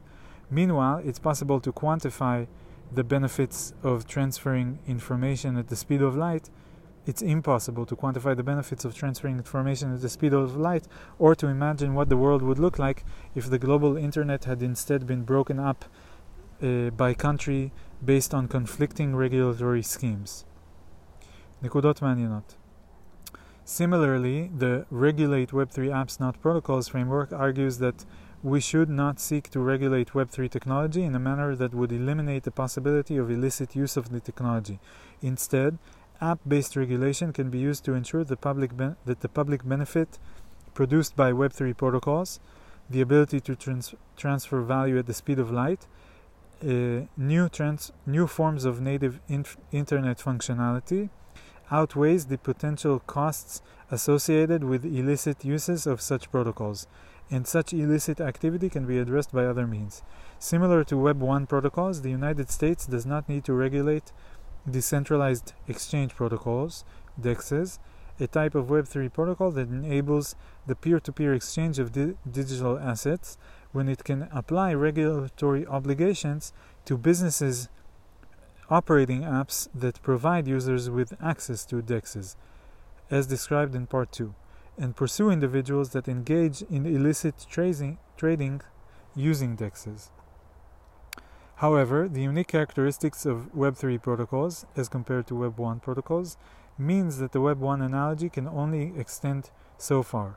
Web 1 protocols do not accrue value and are autonomous, which means that there is no one who profits from the general use of Web 1 protocols or acts on their behalf. For example, there are no stakeholders of the SMTP protocol. No one receives fees through the protocol when emails are sent, and no one is incentivized to encourage the general use of the protocol. Conversely, Web3 protocols can have their own mechanisms for value accrual, e.g., fee accruals, transaction commissions, etc., and mechanisms for semi autonomous decision making activities, decision making and activity, e.g., DAOs. As a result, Web3 protocols can be designed to accrue value to a protocol's governance token holders and to incentivize such token holders to encourage use of the protocol. These differentiating characteristics are features, not bugs, and they underpin Web3 Web3's core value proposition as discussed further below under the heading the rule the role of DAOs in Web3. However, the potential complications arise when where there these characteristics of Web3 protocols overlap with regulated activity. In particular, web, where Web3 protocols facilitate otherwise regulated activity, these characteristics would could in create incentives that lead to an increase in activity that circumvents such regulation. It stands to reason that without additional safeguards, the limits that limit the misalignment of incentives that can arise from these characteristics, Web3 app based regulation may be less likely than Web 1 app based regulation to successfully achieve policy objectives. וואי, זה ממש ארוך וקשה לי לעקוב אחרי כל מה שהם אומרים. אני מבין חלק מהדברים, אבל לא יהיה לי כוח לקרוא את הכל או זמן.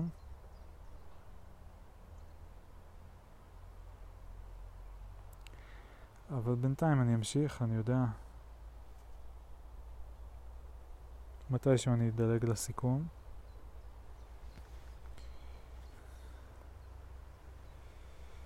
אה, טוב. To illustrate this issue, consider a DEX protocol designed to take commissions on each trade executed on the DEX, and distribute such fees to members of the DEX's DAO. The DEX's DAO is responsible for the administration and maintenance of the DEX, which includes funding ongoing development work and setting fee structures. However, to preserve the decentralized, autonomous, and permissionless nature of the protocol, the DAO does not have the ability to block trading or control what assets can be traded through the DEX. The DEX is initially launched with a user facing website, i.e., its app, that is compliant with the hypothetical Web3 app based regulation in the United States that prohibits the facilitation of businesses by trading by trading tokenized securities or derivatives on dexes. At launch, all trading occurs through the DEX's compliant app, which does not list any tokenized securities or derivatives for trading. Because the DEX's app is compliant, we can assume that the collection and distribution of trading commissions is compliant without any actual regulatory compliance burdens being applied directly to the DEX or the DAO itself, which is in line with the framework. Regulate Web3 apps, not protocols. Although the DEX's app is compliant and thus provides protection against illicit trading activities, third par- parties could still use the DEX for illicit purposes. For example, users could trade tokenized securities and derivatives by directly interacting with the DEX's smart contracts, and third party developers could launch their own non compliant apps for users to trade tokenized securities and derivatives. While unfortunate, such non compliant uses are an in- inevitable consequence of building open and permissionless internet protocols ac- across both Web 1 and Web 2 and Web 3. Uh, for example, even if an email app like Gmail could block the sending of phishing emails, individuals would nevertheless be able to send phishing emails by directing inter- directly interacting with the SMTP protocol or by using email apps that did not restrict such activity. However, if the DEX's DAO uh, were legally permitted to profit from illicit tra- trading, the policy objectives of the app based regulatory regime protecting investors by limiting the trading of tokenized securities and derivatives on DEXs would likely be undermined. In particular, because the DAO would profit from illicit trading, it would be financially incentivized to facilitate and encourage such trading, and likely contribute to an overall increase in such trading. The DEX's DAO could do this in any number of ways, including by operating a non compliant app, funding the third party development of non compliant apps, or funding uh, the marketing of non compliant third party apps. Even though regulators could seek to shut down these non compliant apps, the mere existence of the counterproductive incentive structure and the DAO's ability to act on it could ultimately undermine the policy objectives. Oh. The policy objectives. Uh,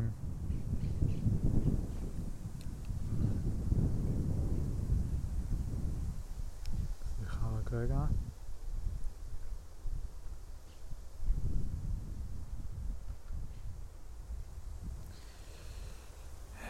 Policy objectives of any app based regulatory regime targeting DEX apps alone to ensure compliance.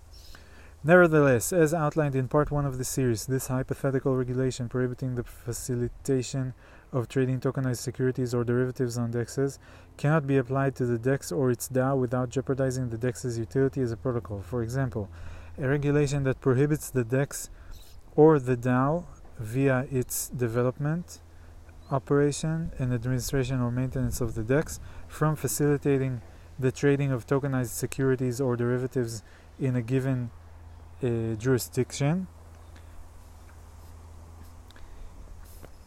would jeopardize the decentralized and autonomous nature of the protocol.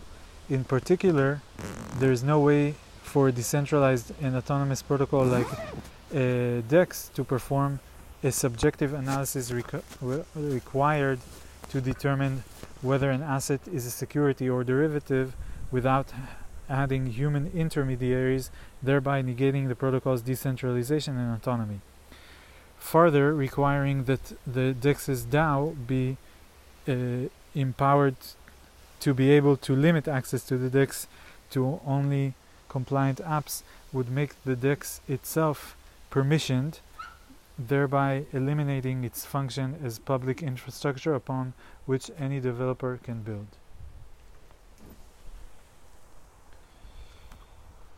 We refer to this tension regarding DAOs as the Web3 DAO dilemma and can summarize it as follows. On the one hand, regulation must not violate the fundamental principles of protocols, which must be open source, decentralized, autonomous, standardized, censorship resistant, and permissionless in order to foster an open, free, and credible, credibly neutral internet. On the other hand, uh, regulation's potential to achieve its policy objectives is dependent on its ability to incentivize compliance, so any Web3 app based regulatory framework must be capable of eliminating the incentivization of non compliance, including the facilitation of non compliance by DAOs.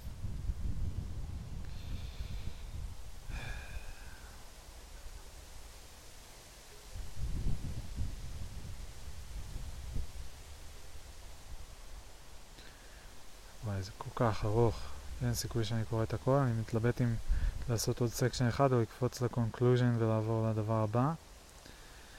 אה, נראה לי אני אעשה עוד איזה סקשן. The role of DAOs in Web 3. אני מנסה להבין כאילו גם קצת על DAO, זה מה שמעניין אותי, כאילו למה, למה זה טוב, או כאילו מה, איך הם רואים את זה כמשהו טוב. אה, אם הם מכירים בחלק מהבעיות שאני נתקלתי בהם, זה מה שמעניין אותי. The role of DAOs in Web3. The most obvious solution to the Web3 DAO dilemma would be to design Web3 protocols that do not have any potential value accrual and that are fully autonomous. Essentially, to make Web3 protocols DAO-less. However, that would be a grave mistake that would jeopardize the potential of Web3. DAOs provide several critical benefits that underpin Web3's core value proposition. First, DAO, DAOs empower Web3 protocols to grow, evolve, and adapt in a decentralized manner as technology advances, thereby positioning Web3 protocols to compete with the closed and centralized systems of Web2, e.g., Facebook, Twitter, etc. In particular, DAOs can directly can direct funding to ongoing decentralized development work in order to enable their underlying protocols to evolve as technology develops. They can direct funding to third party developers to build out additional products and services for the protocol's ecosystem. They can oversee disputes between ecosystem participants and they can adjust protocol parameters to account for changing user behaviors and market conditions. In essence, DAOs can function as internet city governments tasked with governing the public infrastructure, open and decentralized protocols used by citizens to create businesses, products, and services. This is in stark contrast to more traditional corporate entities, which prioritize the pursuit of closed and centralized systems in order to be able to extract value and maximize shareholder returns. Second, the decentralized governance אני כאילו, מה שבינתיים קפץ לי ראש זה שדאו זה כאילו המקבילה האנושית של הבלוקצ'יין. זאת אומרת, אם ה... כאילו צריך עדיין ארגונים וצריך אנשים שיעשו דברים ויקבלו החלטות. כאילו לא כל ה... לפחות בינתיים, עד שה-AI ישתלט על העולם, אז לא כל ההחלטות שמתקבלות, מתקבלות באמצעות קוד אה, אוטומטי כתוב. וצריך את האנשים כדי שיזרימו כסף לאנשים אחרים שיכתבו את הקוד ושיקבלו כל מיני החלטות או יפתרו דיספיוטס וכל מיני כאלה. אמ, ו... ואז הם לא רוצים שזה יהיה בצורה של ארגונים שהם centralized, אה, שאני לא סגור עד הסוף איך הם מגדירים את ההבדל בין שני הדברים האלה. כאילו נגיד דאו, זה, זה לא סתם איזה מין כזה, לא יודע מה, קבוצה של אנשים שכל אחד יכול לבוא ולהצטרף ולצאת מתי שהוא רוצה ולעשות מה שבא לו, כאילו, זה עדיין ארגונים, עדיין יש להם תפקידים והיררכיה, ולאו לא דווקא אולי היררכיה, אבל תפקידים. היררכיה זה כאילו הקטע של מי אומר למי מה לעשות כזה, נראה לי.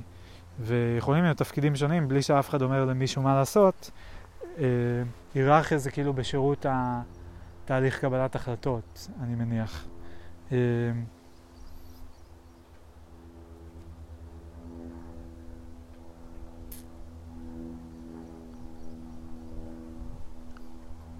Okay. Second, the decentralized governments, governance enabled by DAOs provides for transparent risk mitigation that could surpass the effectiveness of opaque centralized risk controls.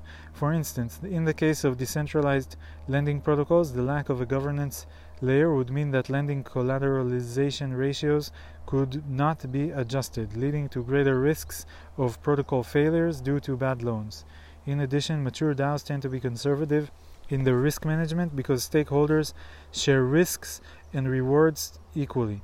Prior to and during the crypto turmoil in 2022, many DAOs of lending protocols made conservative selections of acceptable collateral and collateralization ratios, helping them weather the volatility unscathed.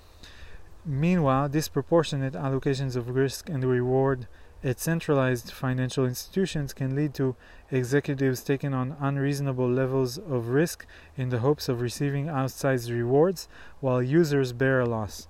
A pattern of asymmetrical risk taking that has happened time and again in traditional and non traditional financial industries, regardless of the presence of regulation. See FTX, Celsius, Voyager 3AC, uh, MF Global, Refco, Fannie Mae, Lehman Brothers, uh, AIG, LTCM, and Bernie Madoff. Third, decentralized governance empowers protocol stakeholders to participate in the governance of such system, which can lead to more equi- equitable treatment of stakeholders than what is seen in traditional industries. In particular, in traditional industries, the use of traditional entity structures, e.g., C corps, results in the uh, application of fiduciary duties that demand that shareholder value be maximized. This emphasis on shareholder value is detrimental to the other stakeholders of companies, including employees and customers. DAOs have the potential to buck this trend through the use of non traditional entity structures that have the potential to deliver on the promise of true stakeholder capitalism, i.e., a system where value accrues more equitably to the system's stakeholders. Finally, value accrual ensures that the governance tokens that enables DAOs to function have value, which protects them and their underlying protocols from attacks by bad actors. For instance, if a protocol could not accrue value, its governance token may, be, may not have value, which means a bad actor could potentially acquire a sufficient amount of such tokens and then control governance votes, thereby undermining all of the potential benefits of the DAO provides the DAO provides the protocol.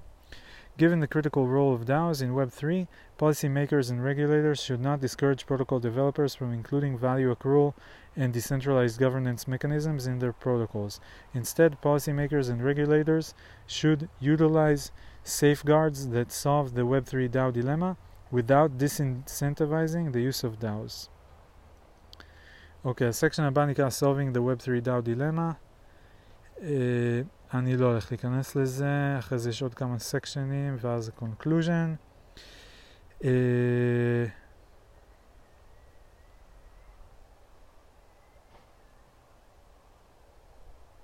One a conclusion. The unique characteristics of Web3 technology gives rise to a dilemma that is not easily solved without jeopardizing the fundamental principles of protocols that give them utility, specifically the mechanisms for value accrual and semi-autonomous decision-making and activity for Web3 protocols differentiates them from Web1 protocols and exposes app-based regulatory regimes to potential exploits that may undermine the policy objectives of such regi- regimes. However, to be effective, regulation of new technologies does not need to eliminate the possibility of illicit uses. It only needs to be calibrated properly so that the public benefits of such technology are likely to significantly exceed its costs, including those costs arising from its illicit uses. Policymakers and regulators can achieve this threshold by augmenting app based regulation regimes with narrowly tailored safeguards targeting DAO incentives and activities. These safeguards can eliminate incentives that may otherwise drive greater amount of the illicit activity a given regulatory regime is intended to limit.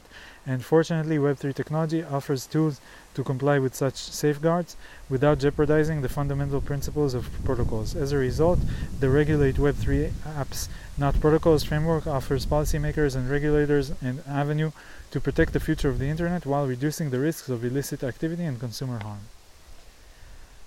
אוקיי, אה, בא לי להגיד כזה, לא הבנתי כלום, אה, ואני אפילו קצת כועס. לא הבנתי כלום, הבנתי כמה דברים בערך. אה, אני לא יודע, כאילו, ת- אני אגיד מה מעצבן אותי. זה מעצבן אותי, לא יודע אם זה מוצדק או לא מוצדק. מעצבנת אותי הכתיבה. אה, א', זה ארוך מדי, זה ממש ממש ממש ממש ארוך. אני קראתי עכשיו במשך חצי שעה או יותר, ולא סיימתי שליש, לדעתי. וגם לא הבנתי מה הנקודה. לא, הבנ, הבנתי שיש להם framework, הבנתי שהם מציעים לעשות רגולציה לאפס ולא לפרוטוקולס, מבלבל אותי שהם קוראים לזה אפס ולא businesses או DAOs, כאילו, או לאנשים ולא ל...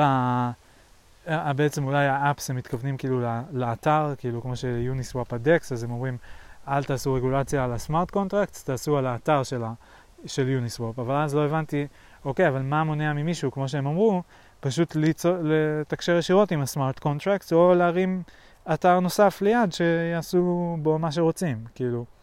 אז את זה לא הבנתי. אין לי כוח עכשיו לקרוא עוד שעה של... אה, להשקיע עוד שעה במאמר הזה רק כדי להבין אם אני מצליח להבין. אז מאוד מעצבן אותי כאלה דברים שכאילו צריך להשקיע המון המון המון זמן, ורק כדי להבין בכלל על מה מדברים.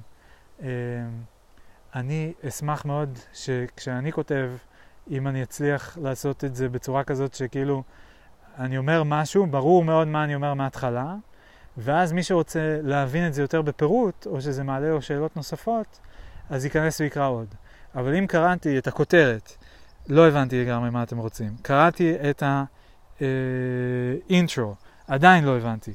קראתי שני סקשנים ואת הסיכום, ועדיין לא הבנתי מה אתם רוצים, אז, אה, אז, אז אני מרגיש מטומטם קצת, כי אני אומר, טוב, אולי הם שם בסן פרנסיסקו, באנדרסון הורוביץ, שבסיליקון וואלי, והם אה, מעורים, והם אה, בקריפטו חזק, נכנסו, ויש להם פה, ויש להם אנליסטים, והם מדברים עם כל ה-policy makers וה-regulators וכל הדברים האלה, אז הם מעורים והם מבינים בדברים שאני לא מבין, ו... אולי, כאילו, נשמע שהם חיים את הדבר הזה ושהם באמת, כאילו, זה נעשתה פה עבודה מאוד יסודית, כן? וכל הכבוד, והשוואה ל-Web 1 וזה, כאילו, מעניין. אה, אבל עדיין מעצבן, מעצבן שכאילו אי אפשר להבין את השורה התחתונה. לא הבנתי את הדילמה בדיוק, לא הבנתי איך הם מגדירים DAO, או מה זה DAO עדיין, לא הבנתי איך זה קשור ל- לאפס. אה, אולי זה גם לא פייר, כי אני נכנסתי בפארט 3, אבל מה, אני צריך להשקיע כאילו איזה יום שלם רק כדי לקרוא את פארט 1 and 2, כדי שאני אוכל להתחיל את פארט 3. ו... ואני מת לדעת אם מי ששלח את זה בסלק באמת קרא את כל הדבר הזה, ובאיזה קצב הוא קורא, כי הוא שולח כל כך הרבה דברים. טוב. אה... בואו נראה כמה עוד דברים יש. או-אה, יש עוד הרבה דברים. נראה לי שהם לא כולם כל כך אה, אה, ארוכים. אה, טוב, Web3 developer platform Alchemy releases transaction simulation product. זה נראה לי מאמר קצר, בואו נקרא מה הם אומרים.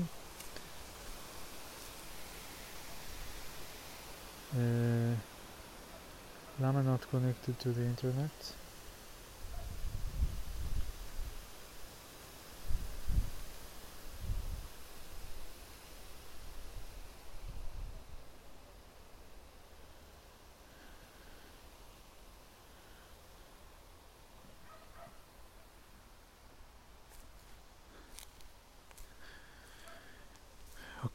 Web3 developer platform Alchemy releases transaction simulation product. The simulation will help reduce the chances of transactions becoming susceptible to scams. Okay. Uh, Alchemy, a Web3 developer platform firm, released a new transaction simulation product designed to make initiating and sending tr- crypto transactions more user friendly. users נשמע לי כמו פיצ'ר שאמור להיות בתוך wallets, כאילו, אוקיי. Users are often susceptible to scams because of a lack of understanding about where they are sending transactions. Chainalysis, a blockchain analysis firm, recently released a report uh, that blockchain users in 2022 lost nearly $5 billion to scams. Alchemy says its simulation kit aims to build a sort of safety mechanisms that lets users ensure their transaction data is correct and that the transaction is going to the right place. Developers will have the tools to incorporate simulation in their products. Uh, Bastian Moirud, the product engineer at Alchemy, told, told Coindesk.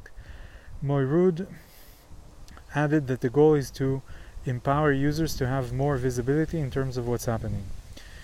The new product features three new APIs asset changes, execution simulation, and bundle simulation. They're available on the Ethereum, uh, Polygon, and Arbitrum blockchains. The first two APIs are uh, already available, and the third will go live next week. How does it work? With the first API, the simulator is able to tell with the transaction what is going in and out of the user's of the user's wallet, offering an extra sense of security. The second API gives developers a readout on certain data based on the execution simulation. The third API allows developers to bundle transactions and allow them to execute uh, to execute them sequentially, so one transaction will move automatically after the other. So זה הכל.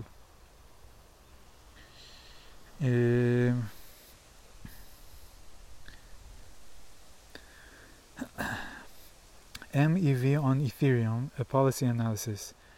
MEV זה עוד איזה נושא כזה שאני פשוט לא מצליח להבין, פשוט לא מצליח להבין.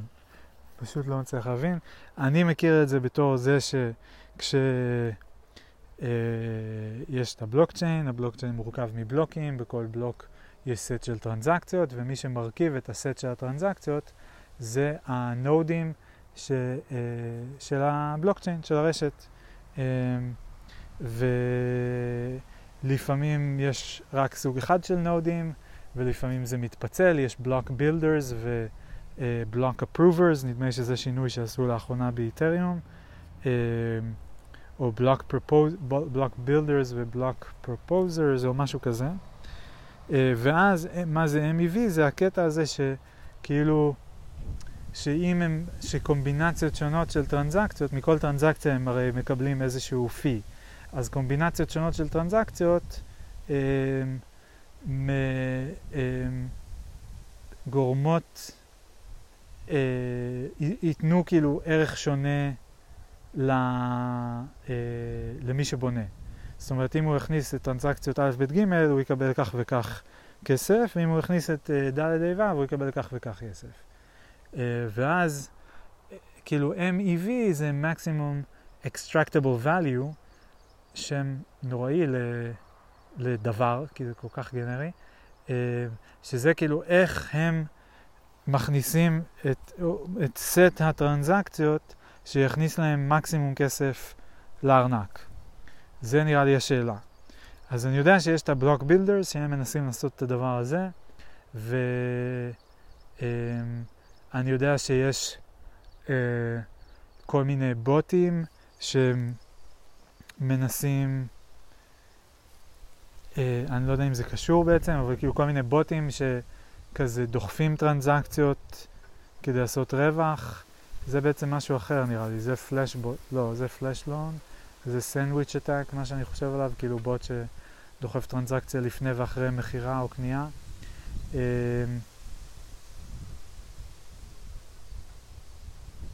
כן, אז אני לא מבין מה יש כל כך הרבה לדבר על הנושא הזה. אני לא מבין כאילו, אוקיי, אז נגיד, כאילו, מה, מה הסוגיה? כאילו, זה, כאילו, אוקיי, אז הם בוחרים, תעשה טרנזקציות שיכניס הכי הרבה כסף. אז מה הבעיה שטרנזקציות מסוימות אה, מוזנחות? שיש אה, איזה רמאות, אני לא מבין מה הרמאות יכולה להיות, אני לא מבין איזה פוליסי צריך לעשות על זה, לא מבין בכלל כל מה שקורה כאן. טוב, פה יש איזשהו מאמר, יש תחושה שהוא לא הולך להיות מאוד נגיש. אנחנו לא נקרא את המאמר, נקרא רק את ה-abstract. MEV on Ethereum, a policy analysis, posted 24 January 2023 uh, by Mikolaj Barzentovich, Barzentovich, Barzentovich, משהו כזה. Abstract. Uh, in cryptocurrency markets, maximal extractable value, MEV, is typically defined as excess profit that a miner, בסוגריים validator, can extract by adjusting execution of user transactions. Uh, כאילו איך הם משנים את הסדר, ככה שהם יקבלו עוד כסף. ואולי אז זה דופק את היוזרים באיזשהו אופן. אבל כשאני שולח טרנזקציה, מה אכפת לי? כאילו, אני רק רוצה שהיא תבוצע, זה לא משנה לי לפני, אחרי, משהו אחר. עד רוב הזמן לא משנה לי, כאילו. אם אני שולח מלא טרנזקציות אולי אז משנה לי באיזה מיקרו, לא יודע, לא הבנתי עדיין. Uh, MEV extraction has slowly been gaining broader recognition, e.g. from the Bank of International Settlements, uh, the International Organization of Security Commissions, IOSCO, and mainstream publications like Forbes. The Bank of International Settlements estimates that there has been between 550 and 650 million dollars of total MEV volume since 2020. The aim of this paper is to provide an overview for policymakers regarding what we know today about MEV, but perhaps even more importantly, how much we do not know. I will offer general critical analysis of policy questions raised by MEV extraction on the Ethereum blockchain. The paper is intended both for those unfamiliar with MEV and those who are broadly familiar. I consider whether MEV extraction poses a problem that merits public policy intervention. I argue that the mere fact that MEV extraction may adversely affect some market participants is not sufficient to answer that question. As in stock trading, which may likewise appear to be a zero sum game with a winner and a loser in each transaction, the nature and effects of MEV extraction have more dimensions that need to be considered. It is important to carefully consider the costs and benefits of regulatory responses to MEV extraction. Moreover, regulation and regulatory enforcement in the realm of public pub- blockchains faces the problem of regulatory arbitrage. Operators may choose the most favorable jurisdictions while retaining influence on markets in other jurisdictions. Uh, this provides a strong argument to prefer, to prefer and support technical solutions that would apply globally over national or even international legal rules.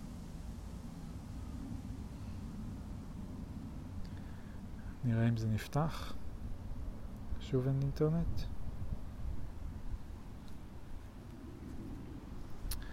כאילו אני מרגיש שכזה jokes on me, כי אני מרגיש שהמון דברים הם כזה, שאנשים מדברים עליהם, הם uh, כאילו...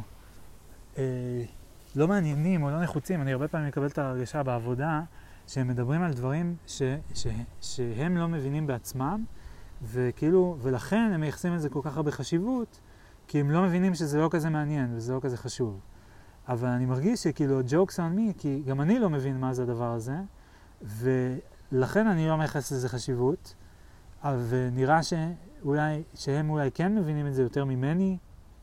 הרבה פעמים אני מספר לעצמי מין איזה סיפור כזה שכאילו, לא, הם כזה שטופי מוח, הם כאילו, הם שמעו על זה באיזה פודקאסט, או קראו על זה באיזה בלוג, והם חושבים שזה נורא חשוב, ואני כזה, אה, וזה לא באמת חשוב, והם אפילו לא באמת מבינים את זה ברמה הטכנית. אה, ואני מנסה להבין מאיפה זה בא, כאילו, אני למדתי ברמה הטכנית בלוקצ'יין אה, בצורה שהרגשתי שהייתה די יסודית, אבל כאילו, לא, יש מיליון דברים שאני לא יודע. אה, אני מרגיש שאני מבין את הבסיס די טוב, אבל גם לא עד הסוף, לא כאילו לגמרי. רחוק מזה, אני לא יודע אם יש מישהו שמבין עד הסוף לגמרי. אה, ואני לא יודע אם זה מזכה אותי באיזה מין סטטוס כזה של מבין יותר טוב. וכאילו, כנראה שלא. ו...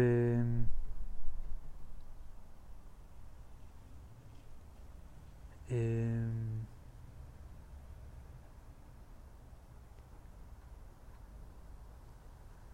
מה עוד רציתי להגיד בהקשר הזה? כן. לא יודע, כן. Uh, סתם, כאילו תחושה מוזרה כזאת, כי אני גם, אני מחשיב את עצמי מישהו שכזה מבין דברים וחכם, ואז אני קורא ואני לא מבין על מה אתם מדברים בכלל, אני לא מבין למה זה מעניין, אני לא מבין איך זה קשור אלינו, אני לא מבין כלום, וגם כשאני שואל אני לא מצליח להבין, כאילו, אז אני לא, אני פשוט לא יודע איך להתמודד עם הסיטואציה הזאת. אה, פתחתי את המאמר, אני מנסה לראות אם יש פה איזה משהו שאולי יהיה מעניין, שכאילו, שאולי יכול לעזור לי להבין קצת יותר למה הבעיה הזאת היא בכלל מעניינת. אה, אוקיי, יש פה קצת, נקרא קצת, נקרא קצת. אני קופ... מתחיל מהאמצע, section 2, How is MEV extracted? This section provides a brief overview of what MEV extraction is, as well as the actors involved in the MEV ecosystem. The overview is intended for those who are not familiar with MEV in general and the developments in, in MEV extraction since Ethereum's move to proof of stake. Readers familiar with both can skip this section and proceed directly to section 3. אוקיי, okay, אני לא skipping, ובואו נצלול. A. A simple model of MEV extraction. To understand the core case of MEV extraction, we need two basic concepts. A transaction and a block. יפה, כבר התחלה שאני אוהב. As the name suggests, the Ethereum blockchain is a chain of blocks. For our purposes, we'll consider blocks as ordered batches of transactions, typically up to several hundred. A transaction can be a simple transfer of some amount of Ether, uh, or ETH, the cryptocurrency, uh, from one account to another. It may also be a trade of some token, e.g. DAO, the DAI, slicha, for another token using one of the decentralized exchanges which run as smart contracts on Ethereum, e.g. Uniswap. The latter case is one of the key sources of MEV. Without getting into more technical detail about automated market makers and liquidity pools, uh, it should not be surprising that it matters in what order exchange trades are executed. A trade executed earlier or later may have a more attractive price. Also, trading just before or after another trade may create profit opportunities, as in the case of backrunning or a sandwich. יפה, אוקיי, אז סנדוויץ' אני מכיר, בקראנינג אני לא מכיר, אבל אני מניח שזה משהו דומה, וכבר אני מאוד מעריך את הכתיבה של הבחור הזה, וכי כבר אני מתחיל אה, לקבל טיפה בהירות, ואני אומר, אוקיי, אה, אוקיי, אז זה לא קשור רק, בעצם מתערבבים פה שני דברים, אני חשבתי שזה קשור כאילו לסט הטרנזקצ'ן, כל טרנזקציה הרי אומרת כמה היא מוכנה לשלם כדי שהיא תורץ, ואז מי שמוכן לשלם יותר, אז uh, הוא ייכנס uh, יותר מהר לבלוק. אבל לא על זה מדובר, כי זה לא על איזה טרנזקציות ייכנסו, או לפחות זה פחות הדגש, כי גם מה שלא ייכנס עכשיו ייכנס בבלוק הבא, אלא זה על הסדר של הטרנזקציות שייכנסו בתוך הבלוק, וגם אז זה לא קשור ל-transaction fee שהולך למיינר, אם אני מבין נכון, אלא זה בעצם סוג של מניפולציה של הרשת, שכאילו, זה, זה כאילו מין זה כמו שבבורסה ייכנסו כזה מלא בקשות לקנות ולמכור, ואז יושב שם מישהו שהוא אה, בוחר באיזה סדר לה, להוציא לפועל את הבקשות האלה. והסדר של, ה, של ההוצאה לפועל מן הסתם משפיע על המחיר של, אה, כאילו כל טרנזקציה משפיעה על המחיר של ה... אה, היא משפיעה על, ה, משפיעה על השוק בקיצור, משפיעה על מחירים של טוקנים, ואז אם טרנזקציה א' משפיעה על מחיר של טוקן X, ואז טרנזקציה ב' אה, גם עוסקת במשהו בטוקן X, אז אם נשים את טרנזקציה ב' לפני א', זה ישנה אה, קודם כל לשחקנים, לשני השחקנים, כמה הם משלמים, כמה הם מקבלים, וב' זה ישנה גם ל, אה, ל, לשוק, כאילו את ההשפעה על השוק היא תהיה שונה. אז בעצם זה כאילו נותן כוח לבלוק בילדרס אה, ל, אה, להשפיע באיזשהו אופן על אה, על, על הכסף, אני מנסה להבין איך לנסח את זה, אבל כאילו על, על השוק ועל השחקנים בשוק, ועל הזרימת כסף בעצם, ועל המחירים. אוקיי, אני ממשיך. As I wrote with Alex Sarch, עכשיו יש ציטוט. Considered, Consider what happened on 16 February 2022 to a person using the Ethereum address uh, blah blah blah blah blah. Uh, we will call them 0x61. 61 attempted to exchange just over 79 Ethereum, then worth around $250,000, for DAI, a stable coin targeting a one to one exchange ratio with US dollar, using the decentralized exchange Uniswap v2. Instead of receiving after fees around 225 uh, thousands worth of DAI, uh, as 61 may have expected, they ended up with around $179,000, $46,000 less. What seems to have occurred here was a sandwich attack. An automated searcher bot using the address uh, 26 noticed 61's transaction while it was still waiting to be executed in the mempool and calculated that it presents an opportunity for a profitable sandwich. A sandwich consists of three elements the front run, uh, one, the front run, two, at least one sandwich transaction, in this case 61 trade, and uh, three, the back run. The general idea is to buy an asset at a lower price, the front run, and then profit from selling it at a higher price, the back run. In this case, the price of DAI against Ethereum rose due to two purchase transactions, the sandwiches, sandwichers uh, transaction, the front run, um, and then the sandwiched transaction itself. To execute the sandwich, the bot first traded 850 Ethereum for 2,273,029 DAI on Uniswap. This was the front run. The trade was large enough to affect the Ethereum DAI exchange rate to such an extent that 61 lost $46,000. Finally, the bot traded uh, 2,273,029 DAI for 868 Ethereum, ending with 18 Ethereum worth over $56,000 more than they started with. Is a keflan. Uh, the order of transactions in a block is decided by the validator. Uh, by the validator. On Ethereum, a new slot opens every 12 seconds, and a randomly chosen validator is given the power to propose a block. Uh, the Ethereum protocol constrains the validator only as to the maximum amount of content measured by computational complexity that can be included in a block. Odpam, Ethereum protocol constrains the validator only as to the maximum amount of content measured by computational complexity that can be included in a block. There is no minimum, a block can contain e.g. one transaction, and no requirements as to which pending transactions are to be included and in what order. Let's distinguish two transaction ordering scenarios. Transaction X could be executed earlier than transaction Y, because transaction X is included in an earlier block than Y. In this case, X and Y are executed at a different clock times, at least 12 seconds apart, assuming that blocks 1 and 2 are consecutive. Note, however, that there is also an order of execution of transactions within a block. Hence, in block 3, x could be executed before y because x is listed in an earlier position than y within the same block. איזה הסבר פנטסטי, כל הכבוד. יש פה גם דיאגרמות. Given this freedom in block building, validators can profit, בסוגריים extract MEV, for example, by constructing sandwiches or performing liquidations or arbitrage. Uh, see sections 3 below for a discussion of which of these strategies are considered desirable or undesirable.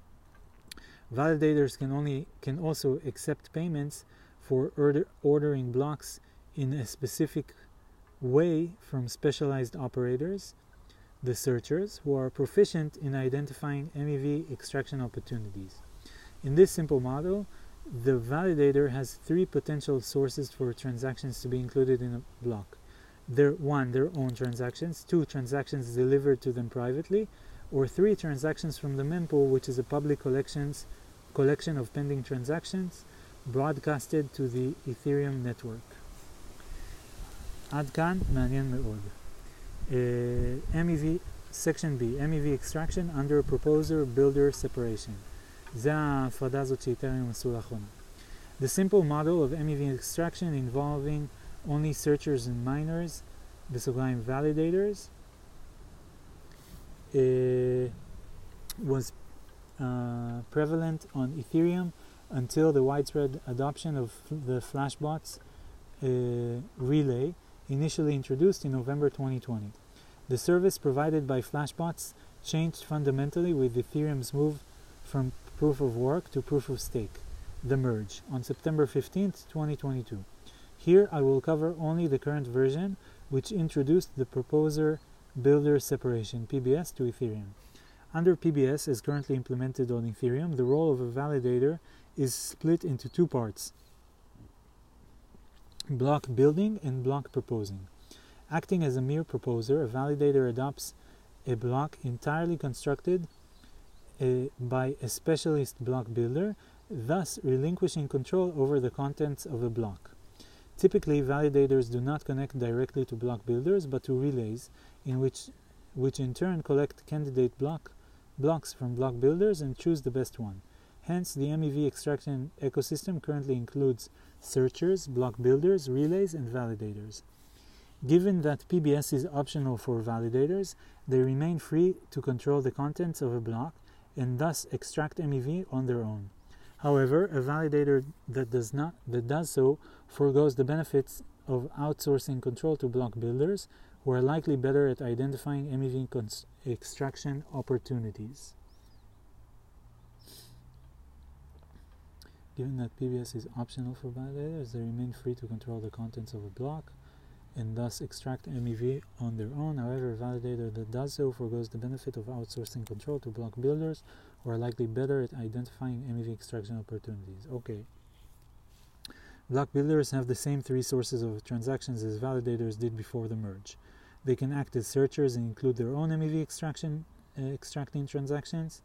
They can include transactions submitted to them privately, including those submitted by external tr- searchers. Searchers offer, offer block builders a f- fee, a bribe, as an incentive to include a transaction. They can include three. They can include pending transactions broadcast publicly in the Ethereum peer-to-peer network mempool transactions. Notably, in addition to accepting individual transactions submitted by searchers, block builders like the one operated by Flashbots, also accept bundles of transactions. Uh, through this process, the block builder ensures that all transactions in a bundle are executed in the set order or none of them are executed.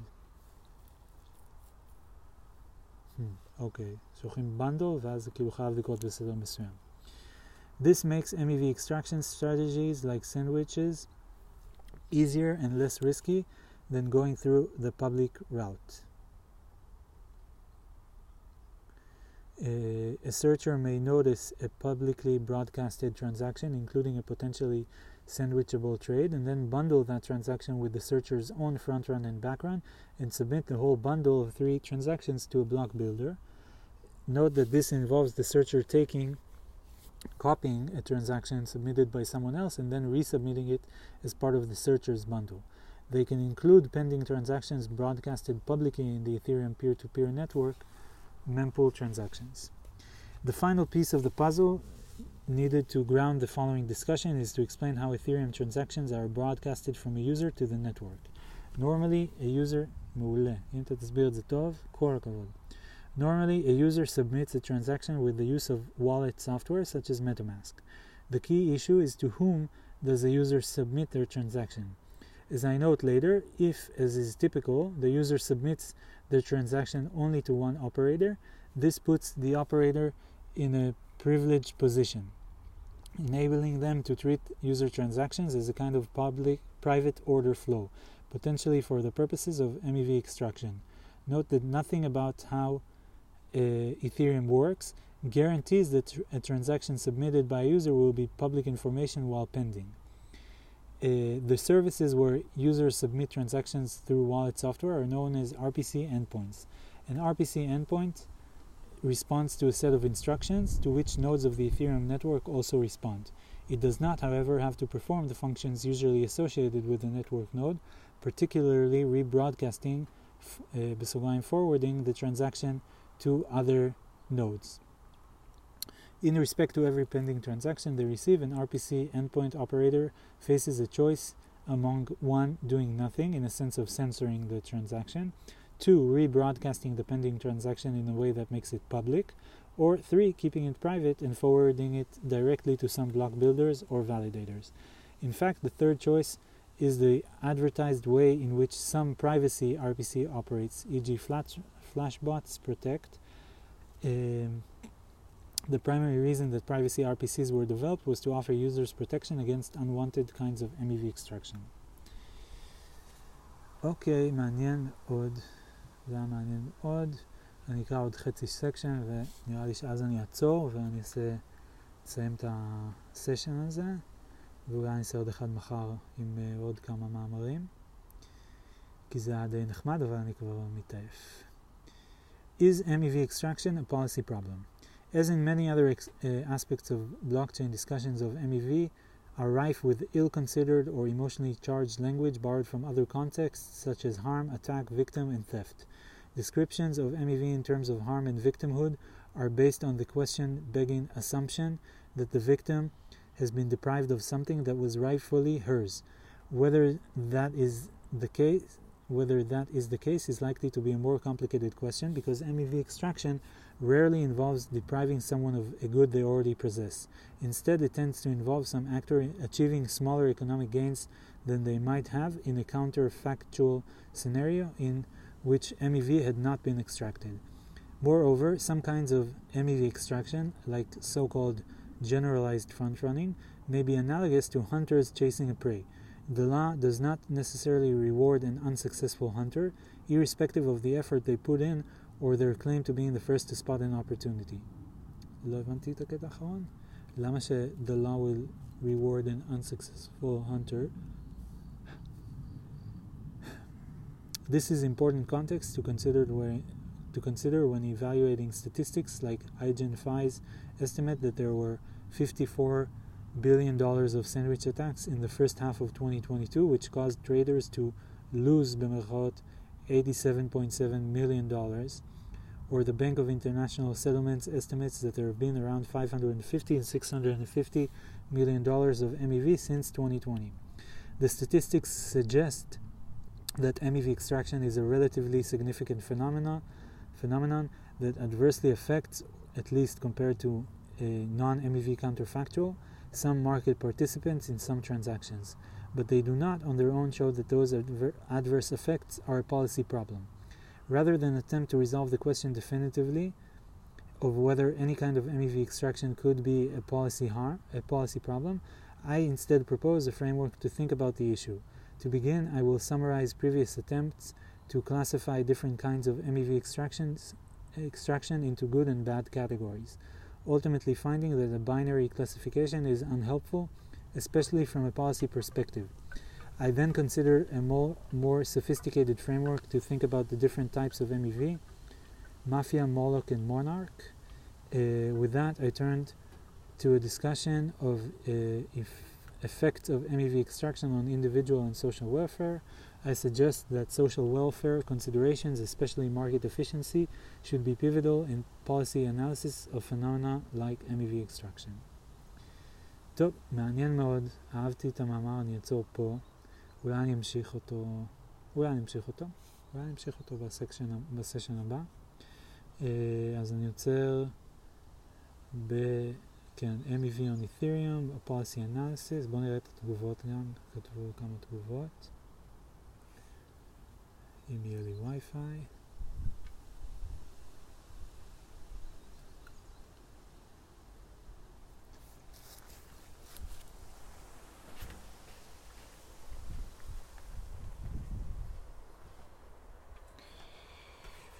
מישהו כתב ציטוט, where feasible, however, technical solutions to undesirable kinds of MEV extraction may be preferable over legal intervention. Uh, hence, it is worth advocating for such technical work to be undertaken. For example, introducing more on-chain privacy on Ethereum could significantly reduce, if not solve, more on-chain privacy on Ethereum could significantly reduce, if not solve, what Sun defines as mafia uh, EV, i.e. MEV that is possible because of the lack of privacy. This could be done by some, sort, some form of encrypted mempool, ensuring that pending Ethereum transactions are not visible to MEV extractors. Magniv. Uh, super interesting analysis that may help contextualize slash provide language for our call tomorrow with blah blah blah. Uh, several features of Eisenberg's strategy, like the fact that it included a wash trade and that he took out a loan that he did not intend to repay, distinguish it, distinguish it from other market strategies discussed discussed here, uh, where the argument that they involve open market trading in good faith is much stronger. אוקיי, okay, זה כבר ציטוט ממשהו שלא קראתי, אני פחות מבין. אייזנברג זה אבי אייזנברג, שעשה באופן פומבי כמה ח"כים אה, אה, די בוטים. אה, אוקיי, אז אני רואה איפה עצרתי, בואו נראה מה יש לי להמשך. אה, אוקיי, זה הכל פה, ההמשך של ההתכתבות הזו. אה, יש עוד מאמר, The Crypto Economics of Slashing, גם של A16Z. מקווה שהוא לא יהיה מפייס כמו הראשון.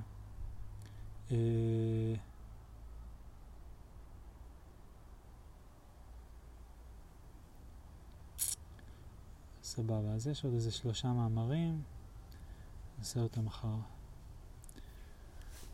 טוב, היה מעניין מאוד, תודה רבה,